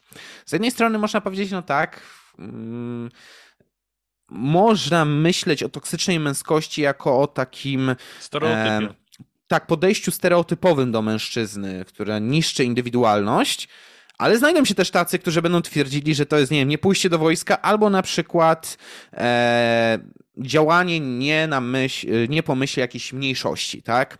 Więc ja rozumiem, co chcesz jakby nam ciekawe tutaj przekazać i mogę się zgodzić nawet z tym, że tak, że mi jest najbliżej też do takiego sformułowania, że ta toksyczna męskość to jest takie, nie wiem, zwalczanie indywidualizmu w mężczyznach być może. Natomiast, e, czy, czyli dobrego samopoczucia sami ze sobą. Natomiast uważam, że bardzo często jest wykorzystywana jako strawman w dyskusji i um, dlatego tak trudno moim zdaniem rozmawiać w tym temacie, bo bardzo często będziemy się po prostu spierali o źródłową definicję tego pojęcia. Z jednej strony tak, tutaj przynajmniej w tym mailu mamy podane jak, jakieś przykłady, jakieś, jakąś podkładkę po to, żeby w ogóle użyć tego sformułowania. Jestem mhm. zdania, że są one użyte dość prawidłowo, że tak bym ujął. O, właśnie. Bo oczywiście mogą nam się nie podobać pewne rzeczy, też, że nie wiem, sobie ktoś ma poznać się i tak dalej, ale czy to w jakiś sposób nas tak de facto dotyka, oprócz tego, że po nie, nie pasuje. Patrzeć. Tak, pod kątem no. estetycznym, no de facto nie. Jakby nic, nikomu się złego tak naprawdę nie dzieje, a jeśli zaczynamy kogoś no, za to nie dyskryminować, no to wtedy rzeczywiście mamy jakby do czynienia z czymś poważniejszym. W tym przypadku raczej nie, ale bardzo często feministki i różnego rodzaju e, środowiska feministyczne używają totalnie tego sformułowania jako strawman, bo rzucają same hasło, za którym absolutnie nic kurwa nie stoi. Jakby nikt nie wytłumaczy, Albo inaczej, co używają ktoś ma na myśli. Tak tak, albo używają go po prostu jako takiej, nie wiem, karty pułapki, kiedy coś im się wymyka spod kontroli w dyskusji. Mhm. O, jesteś toksycznie męski. To, to nie masz już racji. Taki canceling trochę. Tak. Um, Ja mam jeszcze jedno tutaj dostrzegł. E, tak samo jak mamy toksyczna męskość, znaczy inaczej, ta toksyczna męskość mogłaby też być powiązana w jakiś sposób z tym, co zostało tutaj wspomniane, z tym przywilejem kobiet yy, przy okazji tej depilacji, tak? Bo fakt faktem, przez to, że mężczyzn tak często atakuje się dzisiaj na zasadzie, że musisz być taki, musisz się dostosować, musisz spełnić pewne kryteria, a wobec kobiet się tego jakby nie robi, no to mężczyźni jeszcze bardziej mogą się poczuć zniszczeni. Tylko czy to oznacza, że mamy kobietom zakładać homonto i orać im pole? Oczywiście, że nie. Powinniśmy popatrzeć na to, że skoro kobiety przestajemy oceniać, przestajemy wymagać od nich, aby były takie czy owakie, tylko dajemy im dowolność, to tak samo moglibyśmy to zacząć dawać zwyczajnie mężczyznom. Bo dzięki temu, na przynajmniej na poziomie jednostkowym, wydaje się, że mogą być oni szczęśliwsi, bardziej pogodzeni ze sobą, albo będą mieli większą łatwość, aby wyprawić się w tę niezwykłą podróż odnalezienia samego siebie, co zabiera często lata i procesem łatwym nie jest i tak naprawdę nigdy do końca tego nie zakończymy, ale może być nam przynajmniej w tym łatwiej. No ale właśnie, no, najpierw trzeba by zdjąć te podwójne standardy ze społeczeństwa. Hurr! Żyjemy w społeczeństwie, podsumowując. Dokładnie, więc cóż, czy prawdziwa toksyczna męskość, czy toksyczna męskość to stereotypowość zamiast poparcie silnej psychiki i woli? Mogę się z tym mocno zgodzić i myślę, że Dawid, ty podobnie. Tak, a przechodząc tak. dalej do już ostatniego maila, którego tutaj mamy, e, od Bartka, mhm. który podpisał się to jako XYZ. E, lecimy. Od Awe sobie pominę. E, piszę tego maila dosyć chaotycznie, ale... ale... Okej. Okay. Piszę tego maila dosyć chaotycznie, ale i tak postaram się utrzymać dobry poziom ortografii, retoryki oraz składni. Dzięki. E, żyjemy w społeczeństwie. Używam dosyć często Discorda, lubię przebywać na serwerach z osobami w moim wieku i zauważyłem, że moi rówieśnicy również e, są bardzo rozseksualizowani. Tutaj kilka historii. Mój kolega opowiadał mi o tym, że dosyć popularny youtuber kapturzył mnicha na kamerce z innymi chłopcami w jego wieku, 14-16 lat. Też był bardzo toksyczny i wykorzystywał. Okej, okay, myślałem, że ja oglądałem toksycznego YouTube'a, gdy byłem w tym wieku, ale okazało się, że jest jeszcze gorzej. Wow. Żyjemy w społeczeństwie, Dawid. Żyjemy Niestety. w społeczeństwie. Niestety. I druga historia. Na jednym serwerze dzieci pisali e, RP, chyba, chyba chodzi o roleplay, że no kurwa, e, że konia zabawkami, a jak się zdziwiłem, że to piszą, to napisali, że to normalne. E, dostałem na tym serwerze warna za normalnego gifa z papieżem oraz za zwykłego mema. E, trzecia historia, moi znajomi wysłali na grupkach klasowych randomowe filmiki z PH. To się działo akurat jak ja też byłem nastolatkiem. Jak widzę, słyszę takie rzeczy, to chcę wyrzucić komputer przez okno oraz zacząć grillować i chyba tak właśnie zrobię, a was zostawiam z pytaniami, skąd to się bierze, jak, jeśli można temu zaradzić, to co jest tego, więc ja już kończę, cześć. E, powiem tak, żyjemy w straszliwie przebodźcowanym społeczeństwie, w którym e, dostęp do pornografii, generalnie treści kontentu o podłożu jakkolwiek seksualnym jest dostępny jak nigdy przedtem. E, w efekcie że nasza edukacja seksualna w szkołach leży, kwiczy i czeka, aż ktoś ją dobije, e, bo nie dziwię się, jak nadal opiera się o nagrania z lat 90. na kasetach VHS, a ewentualnie DVD, to w efekcie żaden z tych dzieciaków nie bierze tego, co tam jest wykładane na poważnie, bo jest to wiedza skrajnie nieaktualna. E, I w efekcie e, mamy to, co mamy. Zwłaszcza, że rodzice też nie mają kontroli nad tym, co robią ich dzieci, i tak dalej, i tak dalej, i tak dalej. No i, no i koło się zamyka. Znaczy się, dostrzegłbym, że. Uh, ja, ja bym zaczął trochę od innej strony, bo ja bym zwrócił mm. uwagę na to, jak wygląda dzisiejsza popkultura. W sensie. No to też, oczywiście. Człowiek, znaczy y, popkultura dzisiejsza rozgryzła taką jedną ważną rzecz. Czego ludzie najbardziej pragną w świecie? W sensie, jakie są ich najbardziej pierwotne potrzeby? przeżywać silne doznania emocjonalne, a jednym z najsilniejszych, jakie może być, to rucha. No dobra, nie będę robić tego żartu, nieważne. Tak czy inaczej, fakt, że ta potrzeba spółkowania, rozpładzania się jest tak uniwersalna, powszechna, dominująca w naszym gatunku, tak, niewiele jest e, tak naprawdę w naszym społeczeństwie osób aseksualnych, to właśnie mamy ten problem związany z, jakby to ładnie ująć, z przeseksualizowaniem wszystkiego, ponieważ to jest taki dość prosty bodziec, który oddziałuje na bardzo szeroką grupę wiekową. No właściwie od właśnie tych nastoletnich lat, kiedy hormony zaczynają buzować, no do nie wiem, starości, kiedy już po prostu nie można, tak? Jest to po prostu łatwe. Jest to łatwe i no, skoro już był przywołany w jednym mailu Peterson, to trzeba go tu przywołać ponownie, no bo to właśnie on mówił. E, seks oparty, znaczy inaczej, przyjemność oparta o pornografię, nie o seks, jest często naznaczona brakiem wysiłku podjętym, aby dostać, no, chemicznie rzecz ujmując, ogromnego strzału dopaminowego. W związku z tym ludzie od tego się uzależniają. To jest jak narkotyk. Tak, bo jest to łatwe po prostu. Tak, to jest łatwe i nie podejmujesz przy tym ryzyka. Nie ryzykujesz mm, złamanego serca, nie ryzykujesz tego, że e, trzeba być może się trochę zmienić albo dostosować do przyszłego partnera, nie ryzykujesz odrzucenia, nie ryzykujesz negatywnych emocji. W związku z tym uzależniasz się tego jeszcze bardziej, bo to jest tak łatwe. No i ostatecznie dochodzimy do sytuacji, gdzie jeżeli młody człowiek, znaczy Inaczej, jak zdobywamy doświadczenie w życiu, to mam wrażenie, że no przynajmniej niektórzy dostrzegą, że czasem niekoniecznie ta łatwa droga to jest ta dobra droga. Że czasem warto się postarać, żeby zbudować coś trwalszego, większego, pełniejszego, szczęśliwszego. Ale młody człowiek nie ma na tyle doświadczenia często gęsto. W związku z tym, co zrobi? Wybierze najprostszą z dróg.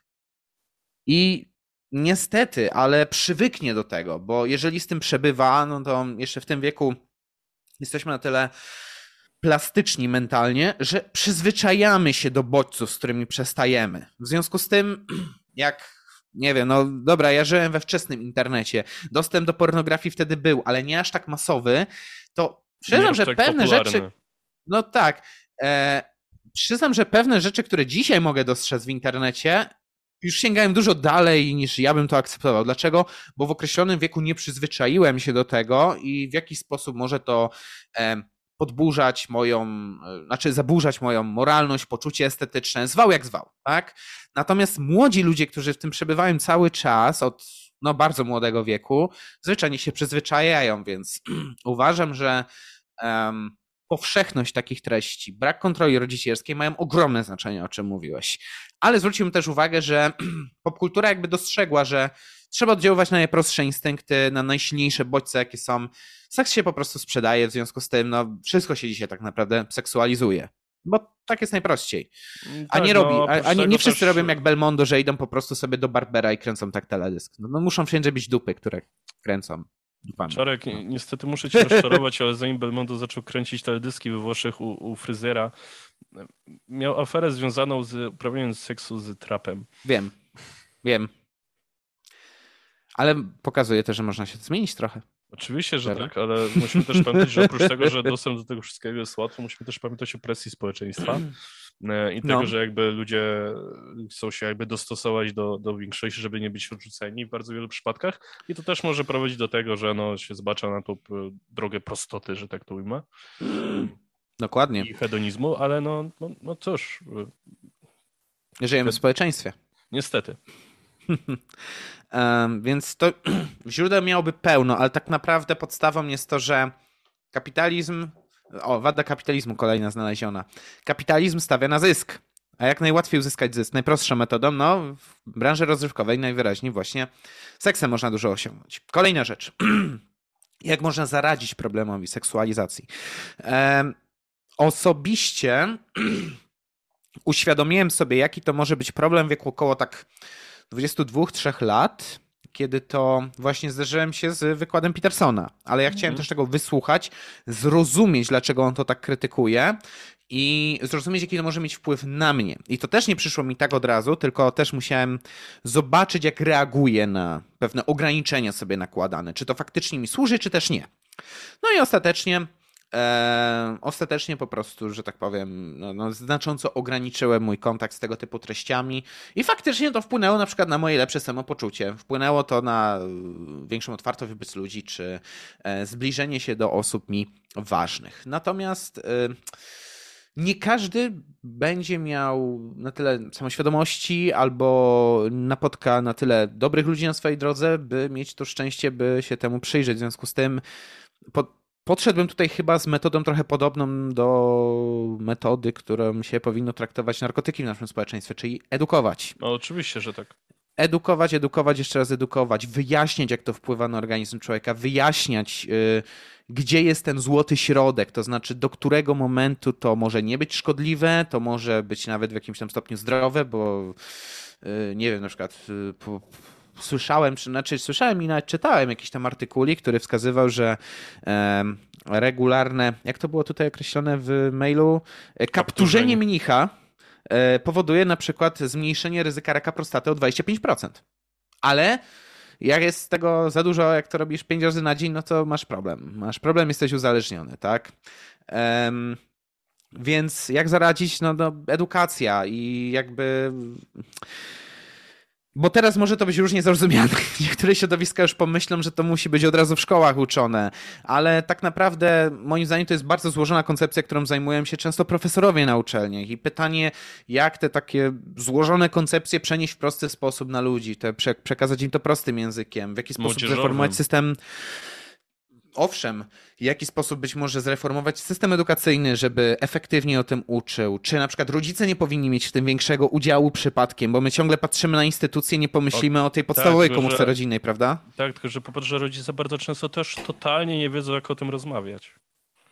Trudat, ale to znaczy, że kolejne pokolenia, przygotowując się do rodzicielstwa, na przykład nasze, no powinno być tego świadome i być może zaczniemy powolne zmiany, które doprowadzą do tego, że w przyszłości takie rozmowy staną się bardziej wystandaryzowane, że to nie będzie aż takie tabu dla mm, członków jednej rodziny. Więc no, na pewno, na pewno można działać na wielu sferach, ale działania odgórne, czy działania, nie wiem, mające coś zakazywać, nie odniosą sukcesu. Jest kilka krajów na świecie, które zakazały pornografii i tak na lewo ludzie ją oglądają. Tu potrzeba edukacji, żeby to było trwałe i efektywne.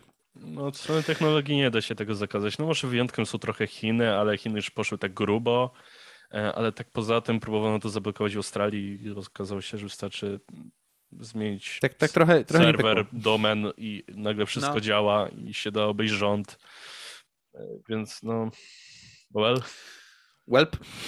No właśnie. Ale zresztą tak samo jak wojna z narkotykami, jakby no hello, jakby to wszystko nadal trwa i ma, wszystko to ma głównie w rękach mafia, a w krajach, w których to zdepenalizowano, nagle się okazało, że mafie mają problem i, i, nagle da się o tym normalnie rozmawiać, da się to normalnie badać na uniwersytetach i już się prowadzi pierwsze eksperymenty, na przykład w leczeniu ludzi za pomocą psylocybiny, żeby e, ludzi chorych na rakach łatwiej pogodzić i przełamać ich lęki związane z myśleniem o śmierci. E, więc no, jak najbardziej pewne rzeczy się w tym kierunku dzieją, żeby to bardziej było po stronie edukacji niż, niż rządu na przykład, ale no zobaczymy, jak będzie się to wszystko e, rozwijało. Ale tak, no też jak najbardziej jestem za edukacją oczywiście. Dokładnie, więc ostatnie pytanie jest dla mnie trochę niezrozumiałe, więc je pominę. Natomiast problem jest, ale jego rozwiązanie to nie jest twarde, autorytarne zakazywanie czegokolwiek, tylko raczej działanie oddolne może tutaj pomóc. Ale jako, że jest tyle płaszczyzn, na których trzeba tutaj działać, jakoś to skoordynować, to wierzę, że ten proces takich zmian, czy uświadamiania społeczeństwa w tej kwestii, społeczeństwa w tej kwestii nie jest procesem szybkim czy łatwym. To znaczy, spodziewałbym się, że pozytywne zmiany społeczne mogą tutaj zająć nawet kilka pokoleń. Oczywiście, tak? że tak, ale no spójrz na wojnę z narkotykami. Czy to dało jakąś ultra pozytywną zmianę z perspektywy tych 40 lat, odkąd zakazano na przykład psylocybiny w USA? No, kurwa nie. Ej, a CIA zarobiło, co ty gadasz? To zarobił, ten zarobił. No właśnie. Pytanie, czy my zarobimy jako społeczeństwo? Co najwyżej gonga. Umówmy się. Dobrze. E, to tyle, jeśli chodzi o maile. Pięknie dziękujemy za zadanie nam pytań. No i co? I przechodzimy do wartkich, bieżących spraw. A skoro bieżące sprawy, to e, ostatnio była... i ławki. I ostatnio była rocznica bitwy pod pewnym sklepem z prasą i elektroniką. E, w związku z tym, no, no elektroniką to może przesadziłem, z prasą i mediami. O. Empik w tej chwili no, sprzedaje wszystko, więc po prostu W sumie tak. Cukierki też. Eee, znaczy, Opony nawet. Nie wiem jak ty, ale ja w, tego, w tym roku to podejście do marszu miałem takie Serio? To, to miało miejsce? Tak? Bo znaczy, jak się nie tak... ogląda mediów, to się nawet o tym za bardzo nie słucha. Znaczy, ja oczekiwałem Battle Royale Warsaw 2021. Niestety bardzo mnie rozczarowano. Nawet mieliśmy swojego wysłannika z Discorda, wyobraźcie sobie, który poszedł na Marsz Niepodległości. No i pomijając to, że podpalono e, podobiznę Tuska, dziewczyn, dziewczynkę prawie spalono, bo się podpaliła od tego, ale na szczęście szybko ją zgaszono. E, to znaczy zgaszono jej kurtkę, bo się rękaw zajął i, i co, co tam jeszcze, jakoś chyba, jeszcze chyba flagę jakoś spalono, Niemiec bodajże. Pomijając tak, to, tak, z tego tak. co słyszałem, było dość e, spokojnie i normalnie. E, oczywiście okazało się, że Urząd Marszałkowski wysprzątał całą kostkę brukową, są wszelkie stojaki na rowery, ławki i teraz Trzaskowski chce wystawić temu urzędowi rachunek na kilkaset tysięcy złotych za to, że to robił. E, oprócz tego właśnie mi wyskoczyła wyskoczyło mi właśnie na Twitterze, że E, tak naprawdę pojebany marsz odbywa się właśnie w Kaliszu. Na jego e, prze, przedzie idzie aktorzyna Olszański Jabłonowski, trzymając w rękach pałkę zomowca. Są pochodnie, muzyka rodem z marszy SS i pan kamerzysta z flagą Rosji na ramieniu. I jest link do strumyka na YouTubie z tego szmarszu. Nie, nie, nie mam okazji oglądać, bo dopiero mi to się wyświetliło na Twitterze. Więc jak widać, nie w Warszawie, ale w Kaliszu coś tam się działo. Ale dla mnie największą hecą tego dnia E, no. Było, była reakcja mediów liberalnych, e, czyli TVN-u, Onetu i wszelkich innych, gdzie były hasła typu w tym roku nic się nie stało, ale to był nadal marsz nienawiści. Tak. Where? E, mi, się, mi się zapisał szczególnie w pamięci, wiesz, który artykuł z krytyki politycznej.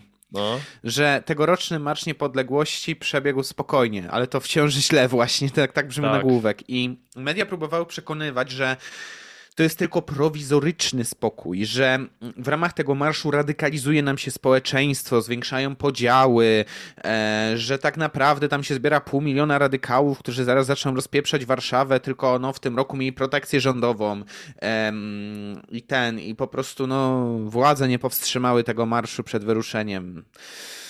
Że tak powiem, no, w mojej szkole mawiano gdzieś tam w gimnazjum pierdolenie kłodka za pomocą młotka, tak? To jest takie desperacka, desperacka próba zdyskredytowania tej inicjatywy, tylko dlatego, że nam nie pasuje to pod narrację. No Ale tak najkrócej rzeczy mówiąc. Ile już no? ci copywriterzy, ci wszyscy ludzie, którzy pisali content dla tych wszystkich serwisów, ile oni no. już mieli natrzepanych artykułów, gdzie wystarczyło parę słów dodatkowo wstawić odnośnie tego, co się działo. I chuj, trzeba było wezwać na dodatkową zmianę i okazało się, że trzeba nadal napisać coś, co będzie budziło emocje, tylko jakoś przykryć to, że kurwa się nic nie działo. Więc stwierdzono, że użyjemy słowa nienawiść, tak?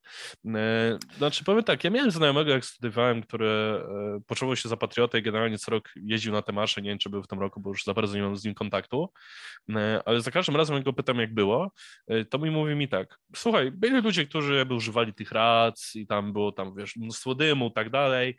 Zdarzały się jakieś pojeby, które kupały śmietniki, ale generalnie zawsze to były pojedyncze osoby i większość większość ludzi, którzy tam była, to były rzeczywiście jakieś rodziny z dziećmi, albo generalnie ludzie, którzy po prostu szli z flagą e, i po prostu sobie jakoś celebrowali ten dzień, przy okazji sobie zwiedzali Warszawę. E, mhm. Więc e, Zresztą jak w większości przypadków to zazwyczaj jakaś mała grupa radykałów zawsze robi największe burdy.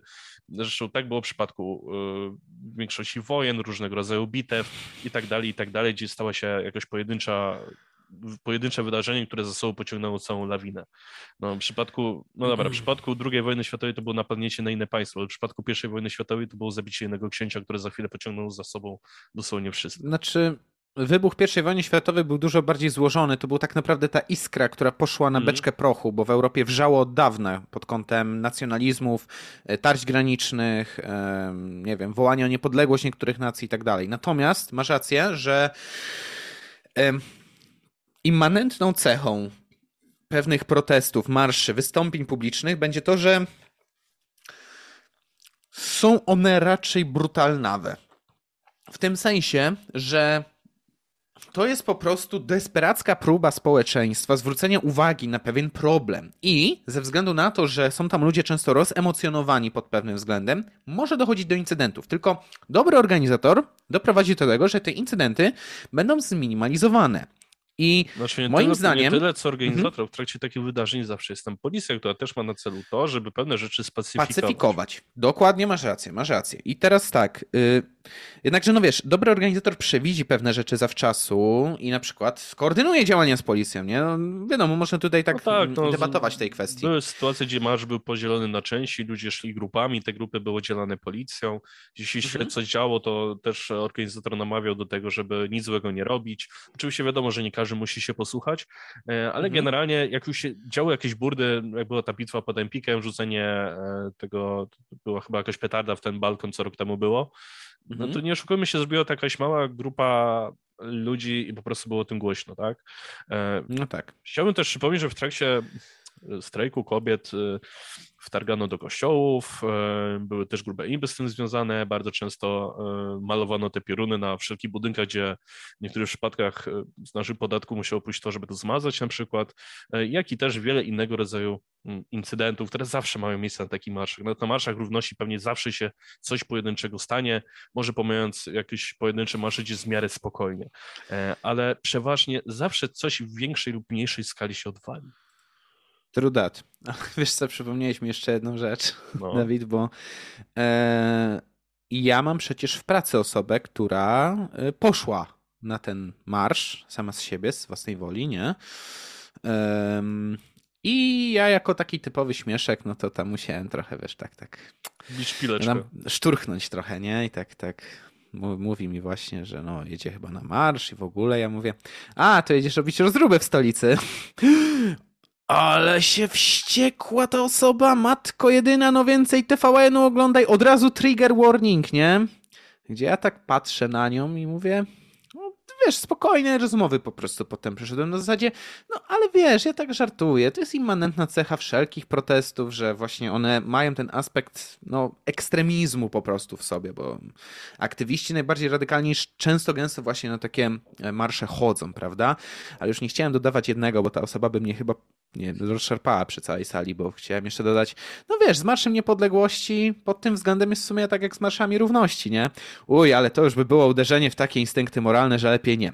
Także słowem jeszcze puenty, e, Marsz Niepodległości to jest inicjatywa niezwykle istotna w społeczeństwie polskim. Jest to inicjatywa, która z pewnością jednoczy wielu ludzi i stanowi dla nich pewien symbol, ale jest też tym aspekt polityczny. Są grupy, są takie mm, takie ugrupowania polityczne, które będą chciały zwalczyć to, ponieważ no, nie pasuje im to do narracji zwyczajnie i stanowi dla nich pewne zagrożenie, podburzenie autorytetu i faktycznie może stanowić nawet potencjał polityczny dla niektórych ugrupowań politycznych. No, konfederaci chociażby, no, czy pisowcy teraz próbują się podpinać pod Marsz Niepodległości, bo widzą tam potencjał na zdobycie dodatkowych głosów wyborczych. No, czy Natomiast... mam wrażenie, mhm. że głównie się tam podpina skrzydło narodowców. Tak, no, no oczywiście. E, chociaż, narod, chociaż konfiarzy też widziałem. Miał, znaczy, e, no. pewnie jacyś pojedynczy korwiniści pewnie tam byli, bo wiadomo, wśród tych środowisk też są y, patrioci. Oczywiście, e, oczywiście. Ale przeważnie swoje święto niepodległości Korwin zawsze miał, jeśli dobrze pamiętam, 7 października, bo, bo według Korwina to to jest prawidłowa data odzyskania niepodległości, tak, bo wtedy tak. oddano Rada władzę do Rady Regencyjnej. Tak. Dokładnie tak. Ale... Y Zaznaczam to, ponieważ z kolei marsze równości będą stanowiły taki sam kapitał polityczny dla ugrupowań lewicowych. I mam wrażenie, że wiele ugrupowań takich bardziej liberalnych, jak to określiłeś, bardzo boli jedna rzecz. Konkretniej to, że te wszystkie marsze tak naprawdę są yy, mniej popularne, te co oni organizują, od Marszu Niepodległości, bo to jest naprawdę imba. To jest yy, połączenie tak naprawdę pewnych akcji politycznych ugrupowań prawicowych z celebrowaniem istotnego dla Polaków święta, czego nie robiono przez wiele lat tak naprawdę. My nie umieliśmy świętować święta niepodległości przez wiele lat, teraz się jakby tego uczymy powoli. I ten marsz jest jakby tego symbolem. W związku z tym mm, rozumiem, dlaczego niektórzy tak bardzo desperacko chcą zwalczyć Marsz Niepodległości, taki jakim jest. Natomiast uważam, że... Dobrą robotę też wykonują organizatorzy jego. Jasne, oni pieprzą czasem coś takiego na fejsie czy na Twitterze, że to aż po prostu oczy więdną, że tak się wyrażę. Natomiast mm, pod kątem organizacyjnym muszę przyznać, że ta impreza nabiera coraz większego takiego profesjonalizmu i rozmachu, bo Jasne, będą się tam zdarzali ekstremiści, ale przy pół milionie ludzi, które idzie przez Warszawę zachować na tyle niewiele tych incydentów, to jest jednak pewien wyczyn. Znaczy przy takiej ilości wystarczy tysiąc osób, które zacznie w jednej grupie, w jednym miejscu coś odwalać i jakby wszystkie stacje telewizyjne mają kontent na najbliższy tydzień. Dokładnie. Nie, nie pokazując tak naprawdę normalniejszych mm, ludzi, którzy po prostu przyjechali tam celebrować święto, które jest dla nich ważne, bez często podtekstu politycznego. A, a przynajmniej niezbyt dużym podtekstem politycznym. No właśnie, więc no, Narodowy Battle Royale w tym, w tym roku taki dosyć słaby. Taki. Poziom tak, Taka gorsza wersja Fortnite'a, tak, poziom spadł dokładnie, więc no, nie ma co tu mówić. No, nie ma co mówić o imbach. Można tylko powiedzieć jakby o ogólnej idei, dlaczego niektórym to tak może bardzo przeszkadzać. Dobrze, więc to to. Natomiast no, dzieje się ostatnio jeszcze więcej, ale może Dawidzie, zaproponujesz teraz rozmowę na jakiś temat, podczas gdy ja znajdę jeszcze jednego linka, aby rozpocząć mówić o swoim. Dobrze, to w takim razie chcę przejść do takiego newsa bardziej trochę historycznego, ponieważ e, jakiś czas temu, właściwie do 5 listopada, e, TVN pojawił się artykuł, odkryto pewną rzecz e, z przeszłości. Może być, myślę, że może być dość interesująca. Chodzi o członków, byłych członków NSDAP, których jak się okazało, przez lata... Dobrze. Z lata pełnili kierownicze funkcje w prokuraturze federalnej RFN. Tak. Słucham, e, słucham. Jak się okazuje, i tutaj cytuję TVN24, e, w latach 50. 90% prawników federalnych w Kars, Ka, przepraszam, Karlsruhe stanowili mhm. członkowie nazistowskiej partii NSDAP. Jeszcze w 1966 roku 10 z 11 prokuratorów federalnych miało ze sobą przeszłość partii Hitlera. Pisze dziennik mhm. Deutsche Zeitung. Mrocznej historii tego niemieckiego organu ścigana przyjrzeli się badacze Christoph Saferling e, i Friedrich e, Kiesling. E, I tak, jak się dalej okazuje, w marcu 1960 roku na biurku Federalnego Prokuratora Generalnego w Karlsruhe e, trafia skarga kryminalna. Chodziło o jednego z jego najbliższych współpracowników, którzy uczestniczyli w wydawaniu zbrodniczych wyroków śmierci w czasach nazizmu. Jako sędzia sądu specjalnego w Pradze kazał w 1944 roku rozstrzelać Czecha tylko dlatego, że ten słuchał zagranicznej stacji radiowej. Opisuje ten ten, ten magazyn niemiecki. E, ten sam prawnik e, pracował w 1960 roku jako jeden z najwyższych rangów prokuratorów do spraw terroru w Młodej Republice Federalnej Niemiec. Nazywał się Ludwik Berner. Skargę złożyła grupa byłych czeskich bojowników ruchu oporu jak zbrodniarze w najprawdziwszym tego słowa znaczeniu, którzy zbrukali swoje, rękę, swoje ręce przepraszam, krwią niezliczonych niewinnych mężczyzn i kobiet, mogą jeszcze dziś oskarżać lub sądzić w imieniu państwa, pytali. Ale prokurator generalny Max Goide nie musiał się długo zastanawiać, odłożył skargę na bok. Sam był członkiem NSDAP, jak się okazało, jak pisał ten ten magazyn. E, idąc dalej. Tak było we wczesnej Republice Federalnej e, starzy towarzysze i partyjni kompanii ponownie zasiedli za sterami władzy w agencjach bezpieczeństwa i w sądownictwie. Zjawisko to było powszechne, zauważa gazeta. E, na przykład w Federalnym Urzędzie Policji Kryminalnej na czele stali w dużej mierze byli SS-mani, a w Federalnej Służbie Wywiadowczej rządzili byli najlepsi szpiedzy Hitlera. Najbardziej brutalny z brutalnych organów bezpieczeństwa, co teraz z perspektywy wielu lat staje się jasne, znajdował się jednak w mieście prawa, w Karlsruhe. Pisze z Sody Deutsche Zeitung. E, była to prokuratura federalna. Wykazują badacze Christoph e, Saferling i Friedrich Kiesling. W nowym opracowaniu Scheutschutz im Kalten Krieg, jeśli źle przeczytałem, wybaczcie, dawno nie czytałem po niemiecku, e, które ukaże się 17 listopada, czyli względnie niebawem. E, na zlecenie prokuratora generalnego zbadali oni mroczną historię tego organu ścigania. W latach 50. E, 90% prawników federalnych w Karlsruhe było czy byłymi członkami NSDAP. W jeszcze 1966 roku właśnie 10 z 11 tych prokuratorów federalnych miało ze sobą właśnie przeszłość w partii Hitlera. A w 70 roku, kiedy kanclerz SPD Willy Brandt klękał przed pomnikiem bohaterów getta w Warszawie, byli członkowie NSDAP, nadal stanowili absolutną większość Karlsruhe, czyli tej mm, prokuraturze generalnej. Byli niezwykle surowi wobec komunistów, wobec prawicowych ekstremistów, już nie tak bardzo, jak pokazują na wielu przykładach Safelnik i Kistling, pisze gazeta. Więc e, cóż, mimo że NZAP zostało uznane za organizację przestępczą już tuż po wojnie, e, no to jak widać te stare układy w jakiś sposób pozostały i no, ręka rękę myje. Zresztą myślę, że w naszym kraju też jest świetny przykład no tego, właśnie. że mimo, że upadła komuna, to pewne układy pozostały niezmienione. Zwłaszcza jak widzimy teraz na przykład niektórych polityków lewicy, którzy na przykład brali udział w akcji Hyacynt w czasach PRL-u, a teraz jakoś tak chodzą z tą tęczową flagą, jakoś tak, tak, tak dziwnie się jakoś tak na to patrzy. Ale jak widać, tak, bo... nie tylko my mamy taką przyszłość, takie problemy. Nasi zachodni sąsiedzi również. Znaczy tak, w sensie de denazyfikacja Niemiec to był proces bardzo złożony, on trwał wiele lat i w sumie niektórzy się zastanawiają, czy się kiedykolwiek zakończył w Niemczech, nie? Natomiast aż mi się przypomniała taka modyfikacja do Hearts of Iron 4, się nazywa Kaiser Reich, mhm. w której w alternatywnej wersji historii Niemcy wygrywają I wojnę światową i no, na przykład jednym z postanowień traktatu pokojowego w tym uniwersum jest przejęcie przez Niemiec kolonii francusko-brytyjskich w Afryce. I tam mhm. powstaje tam e, Deutsche Mittelafrika, nie? I kto rządzi Deutsche Mittelafriką? Nie kto inny jak Gering. E, I moim zdaniem świetny jest taki, wiesz, e, świetna ciekawostka w tym DLC, takim no, w modzie, powinienem powiedzieć, jest to, że uwzględniają, że są pewni karierowicze polityczni, którzy wykorzystają tak naprawdę każdą sytuację polityczną, aby dostać stołek, bo nie chodzi tam tak naprawdę o ideały, tylko chodzi o to, żeby wykorzystać pewne cechy osobiste, inteligencję, zdolność do e, tworzenia układów, e, czy odpowiedniego odnajdywania się w towarzystwie do tego, żeby zdobyć władzę, niezależnie czy rządzi monarcha, czy rządzi e, pewien wybitny malarz z e, południowego, e, południowej części, jeszcze wtedy nie Niemiec, tak? E, Austrii. Więc, dokładnie, więc jakby no, zupełnie mnie nie dziwi, że oni mają ten problem. My do dzisiaj, szczególnie w lokalnych władzach, mamy problem e, postkomunistów. No ale no, Myślę, w dużych... że tych wyższych też. E, oczywiście, że tam mamy dużo postkomuny, tylko wiesz co, e, Wspominam o lokalnych, bo tam mam wrażenie, dużo dłużej ci ludzie się zakorzenieni i dużo mocniej siedzą, bo e, w tych dużych partiach, chodzi, jasne... Nie, nie no? chodzi tylko o zakorzenienie, chodzi też o to, że ci ludzie byli najnormalniej na świecie bardzo często po prostu szkoleni w tym kierunku, żeby umieć uprawiać tak, politykę. Tak, dokładnie, I mimo, że dokładnie. system upadł, no to stwierdzi, ej, jakby mamy pełną wiedzę, wykorzystajmy to, żeby jakby dalej dokładnie ciągnąć tak. karierę. E, oczywiście też Bo... musimy pamiętać o sytuacjach, że byli ludzie, którzy na przykład byli zaciągani na siłę do, do SS czy do Wehrmachtu na przykład, czy, czy być może do jakichś mm.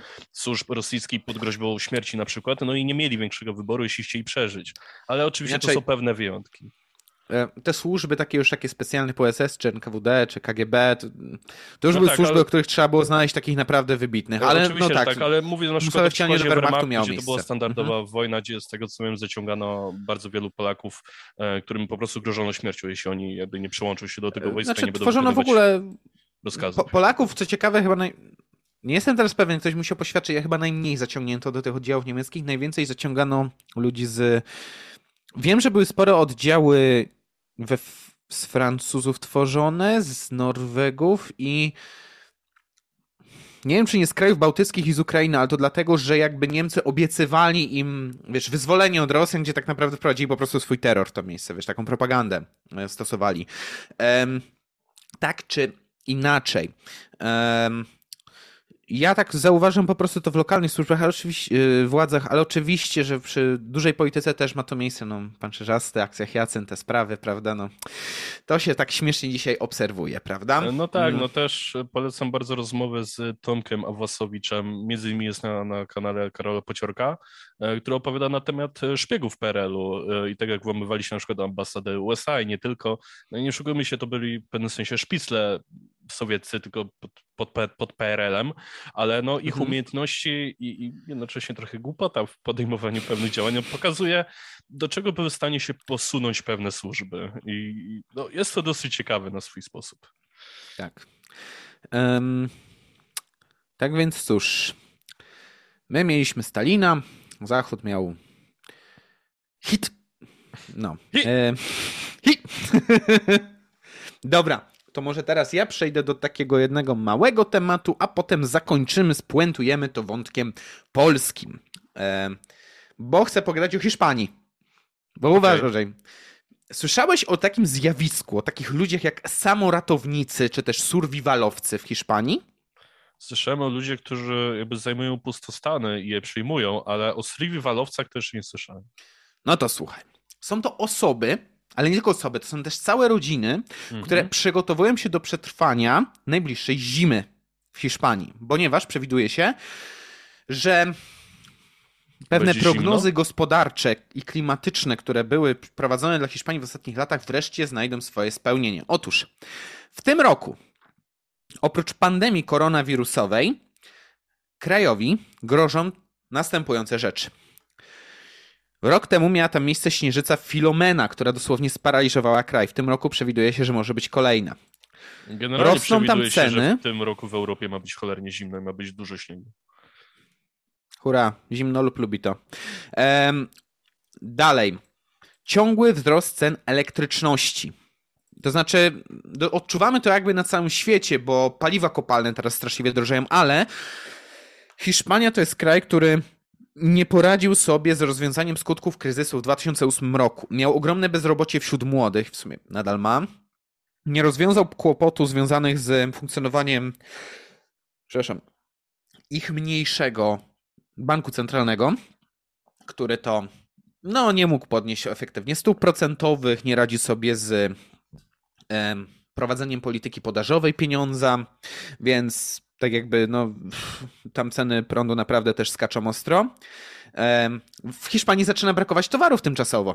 W sensie, pamiętasz jak było na początku pandemii w Polsce, że przez tydzień czy dwa no trochę brakowało ryżu, makaronu, ale rynek szybko się u nas dostosował. W Hiszpanii mają to od kilku miesięcy, regularnie. I muszą co, gromadzić zapasy. Z tego, co mhm. słyszeliśmy ostatnio, to nawet w Ameryce powoli zaczyna się pojawiać ten problem. Tylko w Hiszpanii mówię, to już jest obecne od paru miesięcy, a w zimę ma się jeszcze pogorszyć. Znaczy, a... powiem, to znaczy powiem ci tak, mnie to nie dziwi, że to tam ma miejsce, bo generalnie e, jakby już mhm. chyba jakieś pół roku temu gdzieś czytałem jakiegoś newsa, że no w Hiszpanii zaczyna się powoli pojawiać ponownie problem z głodem i z tym, że ludzie nie mają pracy i że socjalizm kurwa nie działa. Co za przypadek. Po raz kolejny. E, ale wisienką na tym całym gównianym torcie będzie blackout. Hiszpanii grożą braki dostaw prądu w określonych godzinach. To jest coś, co przeżywał PRL u swojego zmierzchu. W latach 80. były blackouty. No. Dużo dzieci też narobiono. Ehm, tak czy inaczej. Ehm, no, analizują tam, naprawdę grono eksperckie tę sytuację od paru miesięcy. Ehm, no i w kraju, uwaga, przez to, co się dzieje, pojawiły się usługi takie jak szkoły przetrwania, i sklepy, zarówno fizyczne, jak internetowe, oferujące podstawowe środki do życia oraz narzędzia. W Patones koło Madrytu co trzeci weekend hiszpańska szkoła przetrwania organizuje kursy skierowane do mieszkańców miast, którzy żyją w strachu ze względu na całkowite uzależnienie od systemu, który może zawieść w każdej chwili. Na przykład instruktor w Murcji, Jorge Miniano, naucza na swojej prywatnej firmie, e, w farmie, jak rozpalać ogień za pomocą różnych technik i co robić, gdy nic nie działa. Samoratownicy szkolą swoje umiejętności przetrwania, gromadzą zapasy żywnościowe, narzędzia, a nawet broń. Zalecają mieć w domu świece, baterie, zapałki, radio tranzystorowe, wodę pitną i żywność w puszkach, artykuły higieniczne i apteczkę pierwszej pomocy. I dodatkowo jeszcze niektóre rodziny tworzą już takie plemiona, można powiedzieć, 30 nawet osobowe grupy, które przygotowują się na sytuację kryzysową, żeby przeżyć ją razem. Niektórzy planują na przykład uciekać z miasta na wieś, na farmy, gdzie wszystko jest przygotowane i dostosowane do obsłużenia takiej grupy ludzi i gdzie można się nawzajem wspierać, wspólnie jakby kolektywnie pracując. Ale jakby tego było jeszcze mało, to Hiszpania jest krajem niestabilnym narodowościowo w pewnym sensie. No tak, Przypomnę tylko, co się działo w Katalonii właśnie, nie? Przypomnę tylko, że tam separatyzmy nad granicami są obecne. I teraz przy, po, dodajmy do tego informację, kraj się zbroi. Szarzy ludzie wchodzą w posiadanie broni. W sensie to się może przerodzić coś naprawdę nieładnego. Tam ludzie dosłownie mogą zacząć się wyjadę no, tutaj nagłym no, Szymonowym przekleństwem, mogą się ze sobą napierdalać za chwilę. Tak? Eee, I tu nawet nie chodzi o to, żeby wa walczyć władzę, ale nie wiem, walczyć na przykład o dostęp do wody. Mówimy o takim poziomie kryzysu, nie? Tak, tak, tak. No i teraz tak, no przez w internecie na przykład hiszpańscy survivaliści, samoratownicy dzielą się informacjami, jak zbudować bunkier, zaopatrzyć się w leki czy broń. Dają sobie nawzajem info, są tam takie fora, wyobraź sobie survivalawkę w Polsce, coś takiego, nie? Nie dziwię się, jeśli jest e, dla ludzi, którzy po prostu Ale raczej nie jest aż tak, nie jest aż tak, wiesz, namacalna. To, tak, to, ale... nie jest coś ciekawostkowego. Tak, tak, tak, ale powiem ci, że podobne ruchy bardzo wiele lat temu, oczywiście nie na jakąś super szeroką skalę, wśród wielu osób miały miejsce i pewnie mają nadal w USA, ale nie ze względu na jakieś blackouty i, i, czy tam pandemiczne rzeczy, tylko było dużo ludzi, którzy, jakby to ładnie ująć, przygotowywali się na ewentualny koniec świata. Tak, to są tak zwani prepersi w USA prepersi, na tak, przykład. Tak, tak, tak, tak, tak. tylko to było hobbystyczne. To było ludzie, którzy mają już majątek i oni to robią zwyczajnie dla fanu, dla zabawy nawet, nie? Tak, tak, bo oni jakby przechowują jedzenie, które ma ważność przez bardzo, bardzo wiele miesięcy i raz na jakiś czas po prostu te zapasy sobie zjedzą, potem uzupełnią. Więc powiedzmy, że to jest takie mało szkodliwe hobby, które daje ewentualnie jakieś dodatkowe umiejętności, tak? No w przypadku Hiszpanii e, no rzeczywiście mamy przypadek, gdzie chyba powoli ten kraj zmierza do bycia drugą Wenezuelą i jakimś dziwnym przypadkiem posługują się tym samym językiem. Um, jeszcze zauważ, że na przykład prepersi głównie się gromadzą w południowych Stanach Amerykańskich, gdzie jest, albo w zachodnich, gdzie jest trochę dzi bardziej dziko. To, to znaczy, faktycznie nie tyle, występuje tyle, w tych tyle dziko, na wschodnim wybrzeżu. Miesza ilość ludzi, więc rzeczywiście jeśli coś się tam wydarzy, to trzeba być skazanym trochę na siebie. Trochę tak, na przykład tam wiele transportu opiera się o te słynne pick-upy, nie? Trzeba -hmm. gdzieś tam dalej dojechać, zebrać więcej zapasów, bo najbliższe miasteczko jest oddalone, nie wiem, o 20 mil powiedzmy, tak, od naszej farmy czy tam czegoś. No, jak najbardziej jest to zrozumiałe. Um, I teraz tak, um, ja chcę zadać na koniec tego newsa jedno pytanie. To kiedy Franco wstanie i powtórzy to, co zrobił w 36 poprzedniego wieku? W sensie, o, ja pierdzielę...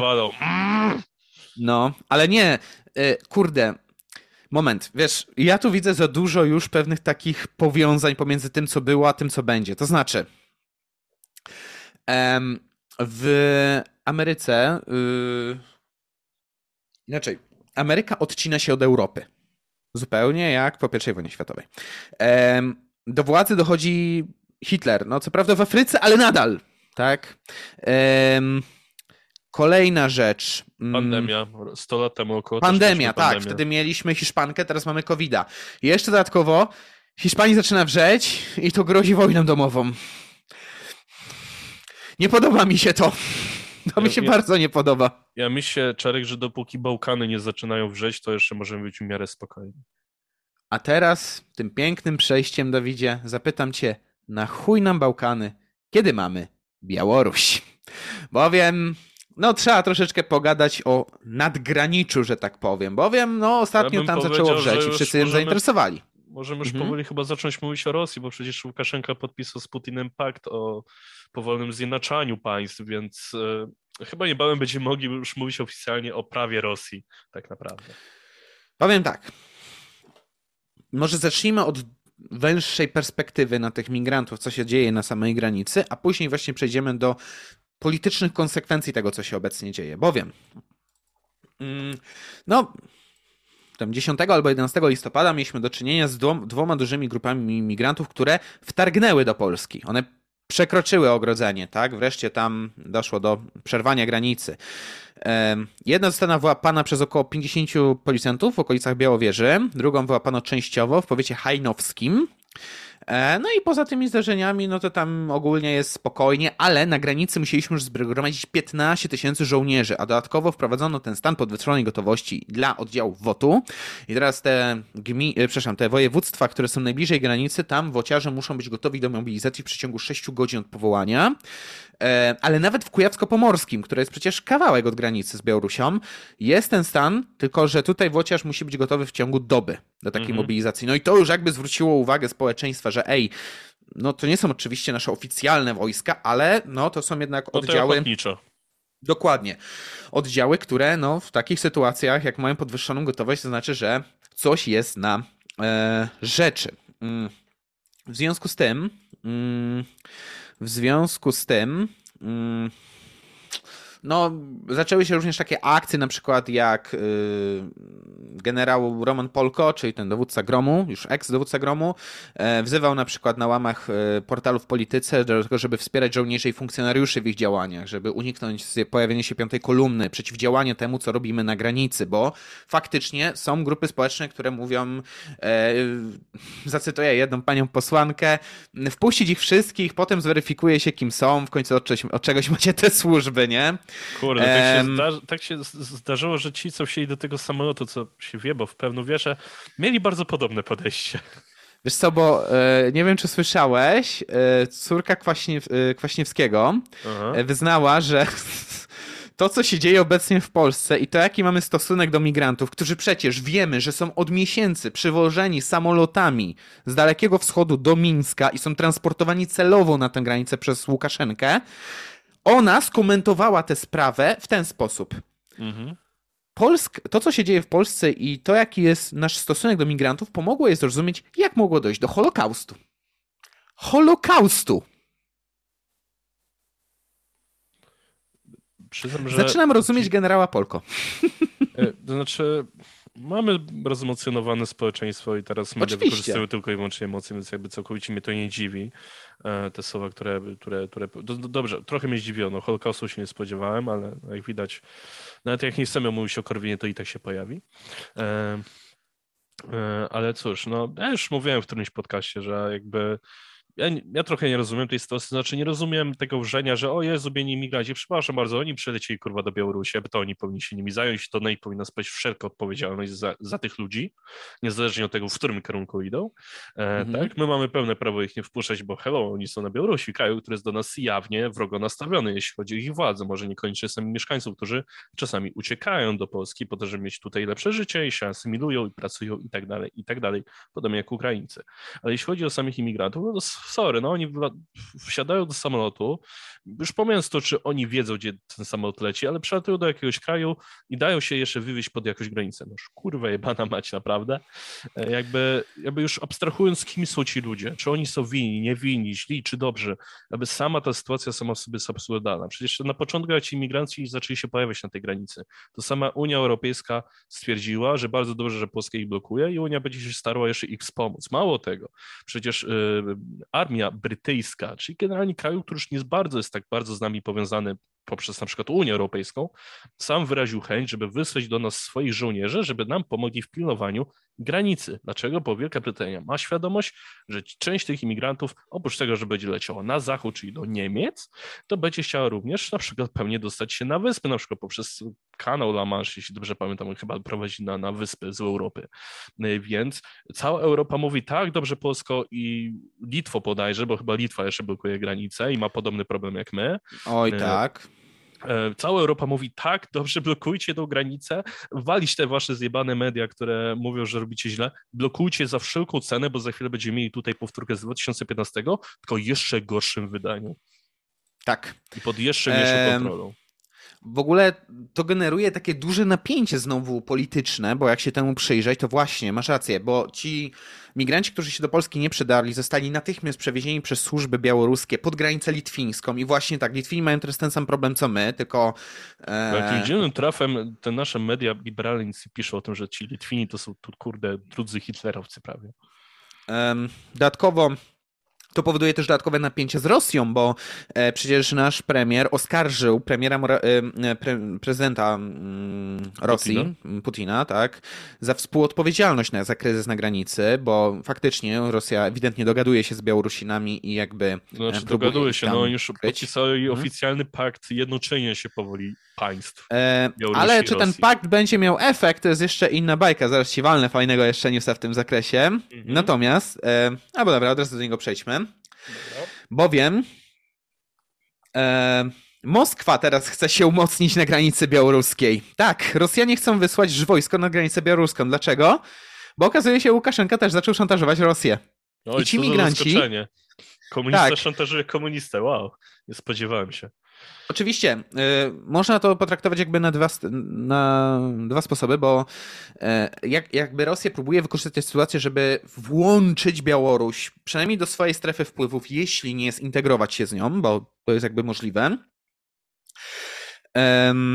no i Rosja jakby tłumaczy, że w ten sposób pewnie pokój, odpowiedzialność i tak dalej. Mm, no i ewidentnie tam na przykład y, czyta się, że nawet według opinii jakichś tam postronnych obserwatorów międzynarodowych, to Rosja ewidentnie jakby gra tutaj, żeby ugrać coś dla siebie e, poprzez to, co robi Białoruś.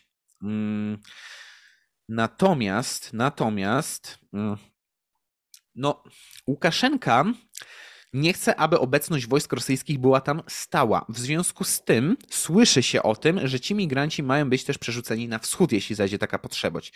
Ale Rosjanie jakby będą chcieli szachować ten ruch poprzez przerzucenie większej ilości jednostek wojskowych najpierw nad granicę białoruską, a z czasem być może na samej Białorusi, aby zaczęły stacjonować, co niejako będzie założeniem takiego Nelsona białoruskim władzom. I teraz Oczywiście Europa bardzo nas przez to też zaczęła właśnie popierać w naszych dążeniach o pilnowanie granicy, bo nikt nie chce zwiększenia strefy wpływu w Rosji po raz kolejny. Mieliśmy to na Gruzji. Mieliśmy tę sytuację teraz w wojnie, tej krótkiej wojnie pomiędzy um, Kirgistanem, jak dobrze pamiętam, i Azerbejdżanem. Azer na pewno był Azerbejdżan, ale ten drugi kraj to już nie pamiętam. Trzeba by nie, nie jestem pewny, dokładnie. Trzeba by się cofnąć mocno do briefów. Dokładnie.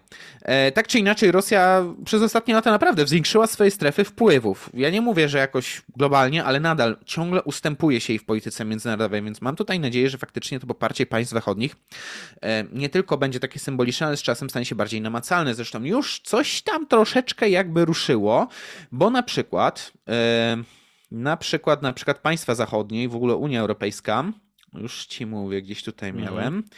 Mm no, na przykład poparcie dla Polski, Litwy i Łotwy wyraziła szefowa Komisji Europejskiej, pani von der Leyen e, i właśnie jakby szuka sposobów na to, żeby wzmocnić te państwa, które jakby są bezpośrednio przez to dotknięte i Unia Europejska już szykuje sankcje na linie lotnicze z państw, których się lata z migrantami do Mińska, żeby nie mogły ich tak e, swobodnie tak, wysyłać. już czytałem mhm. newsa, hmm. że oficjalnie w Turcji zarówno tureckie linie lotnicze, jak i białoruskie e, mają oficjalny zakaz jakiegokolwiek e, transportowania samolotami ludzi z kraju Bliskiego Wschodu, z Turcji do Białorusi. Um, dokładnie, a dodatkowo Unia Europejska zawiesiła ułatwienia wizowe dla białoruskich urzędników.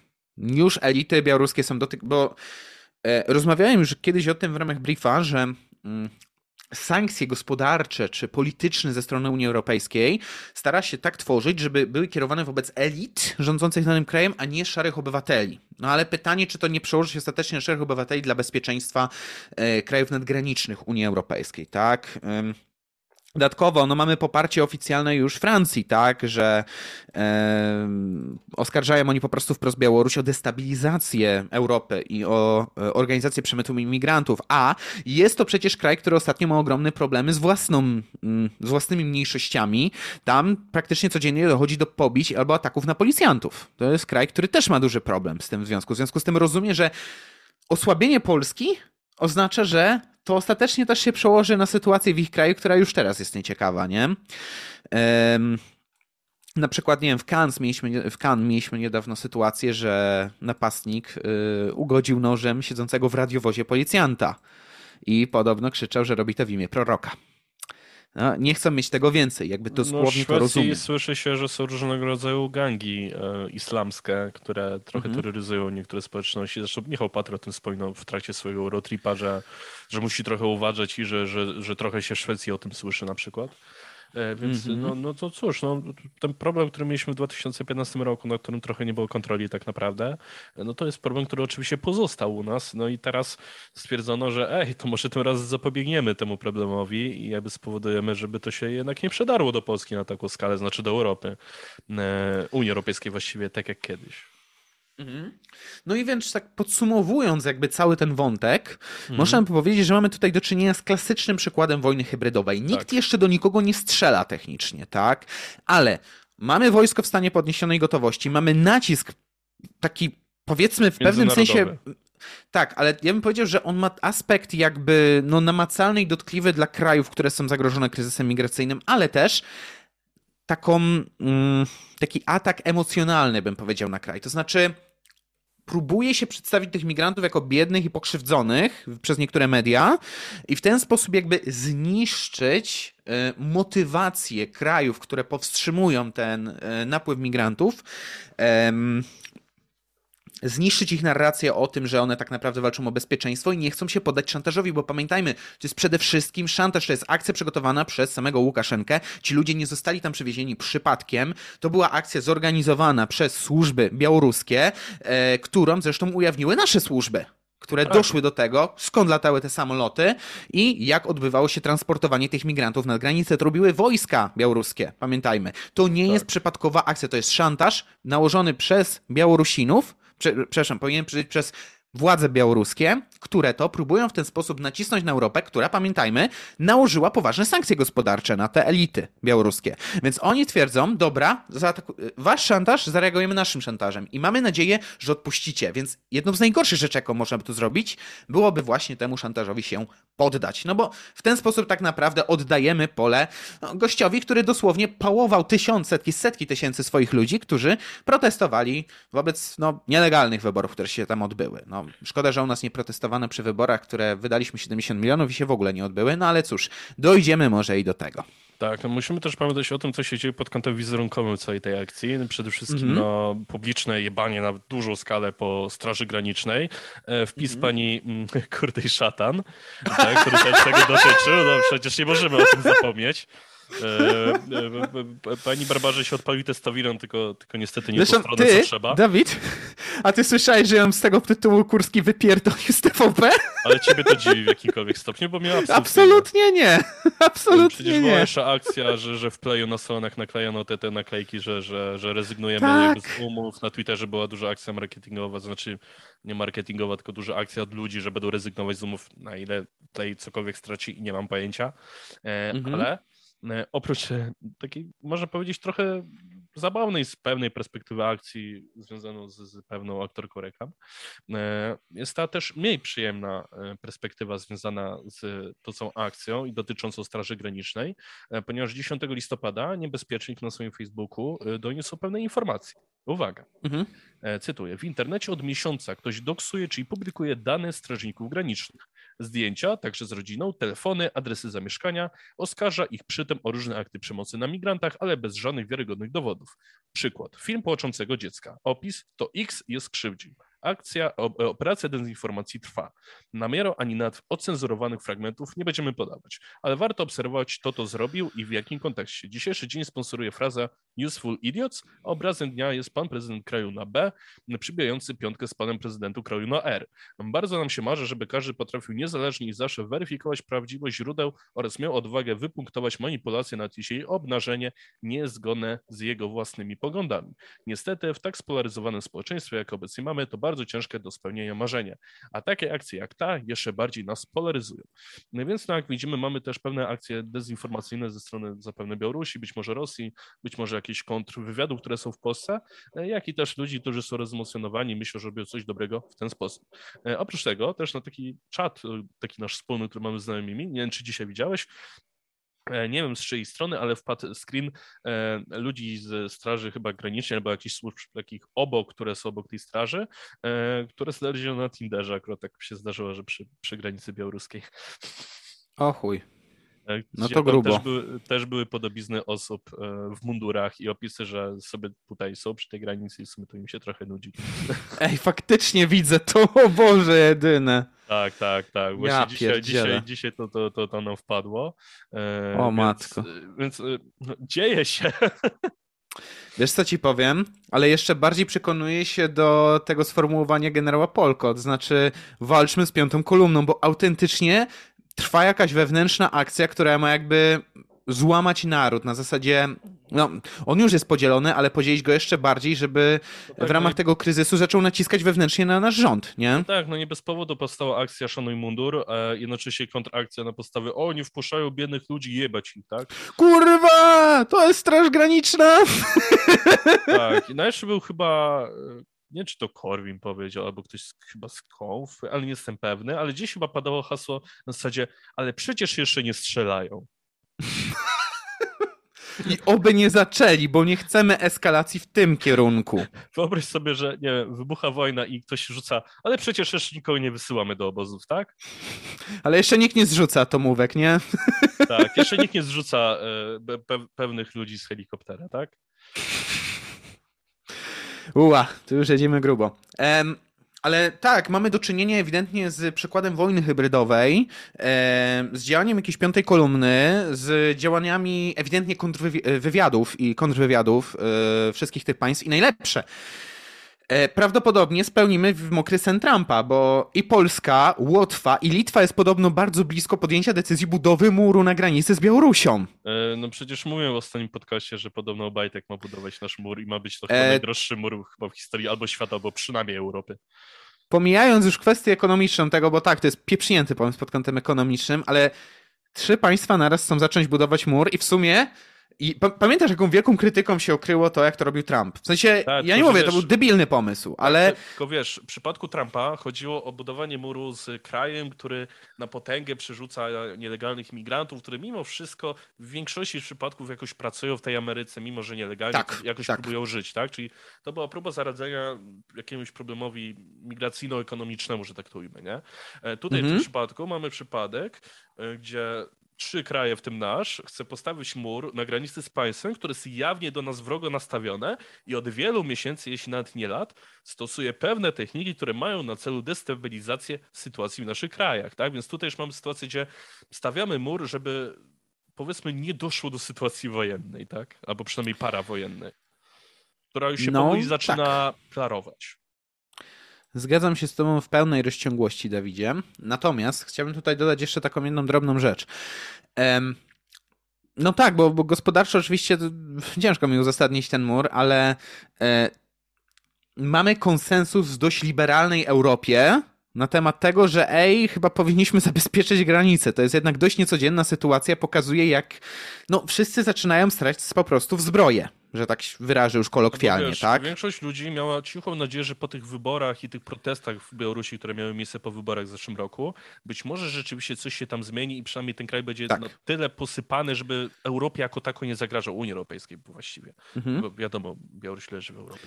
E, ale okazało się, że no jednak te protesty tak dużo nie dały, wpływ ludzi zostało zaaresztowanych. W zasadzie Putin to przyklasnął w high five z Łukaszenką i, i i karawana jedzie dalej i w sumie to za chwilę może być jeszcze gorzej niż było, nie? Więc no jakby mhm. no, przynajmniej możemy się cieszyć, że Europa, Europa przynajmniej próbuje coś robić teraz, a nie, nie za rok, kiedy będzie znowu rozpierdol. Pytanie tylko, czy uda rozwiązać się ten konflikt, ten, ten kryzys środkami dyplomatycznymi. Mam jakby jak najszczersze nadzieję, ale widzisz, Dawidzie, My mówiliśmy tutaj, czy raczej ty mówiłeś e, w jednej z części tego podcastu, że mhm. E, narodowy Battle Royale się nie udał, a może po prostu przeniósł się on na granicę białoruską.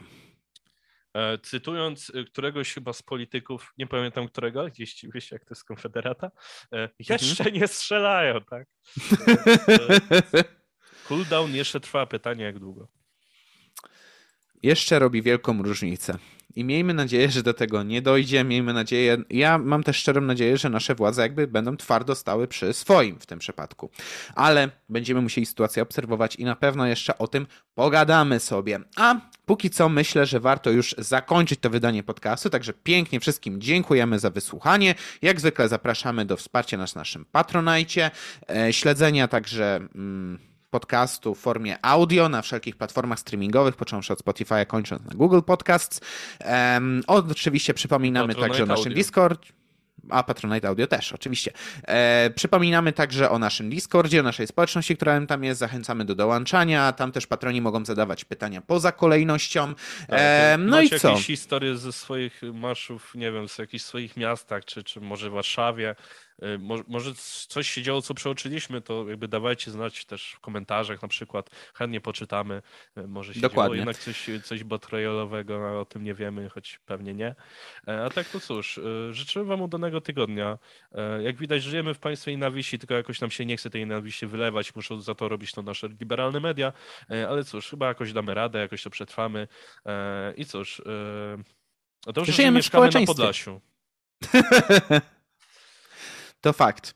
E, to fakt. Także trzymajcie się tam na tym Podlasiu. Pięknie dziękujemy za wysłuchanie. Zachęcamy do dzielenia się właśnie jeszcze swoimi przemyśleniami, czy też opiniami w temacie obecnego kryzysu, zwracania nam uwagi być może na pewne kwestie, dyskutowania z nami. No i cóż, jak zwykle słyszymy się za tydzień. Jeszcze raz wielkie dzięki za wysłuchanie. No i no serio, trzymajcie się na tym Podlasiu. Tak, zapraszamy też do wsparcia na Patronajcie. Myślę, że spożytkujemy te pieniądze lepiej niż najdroższy mur w Europie, ale może jakoś damy radę. Trzymajcie się, hej. Siema.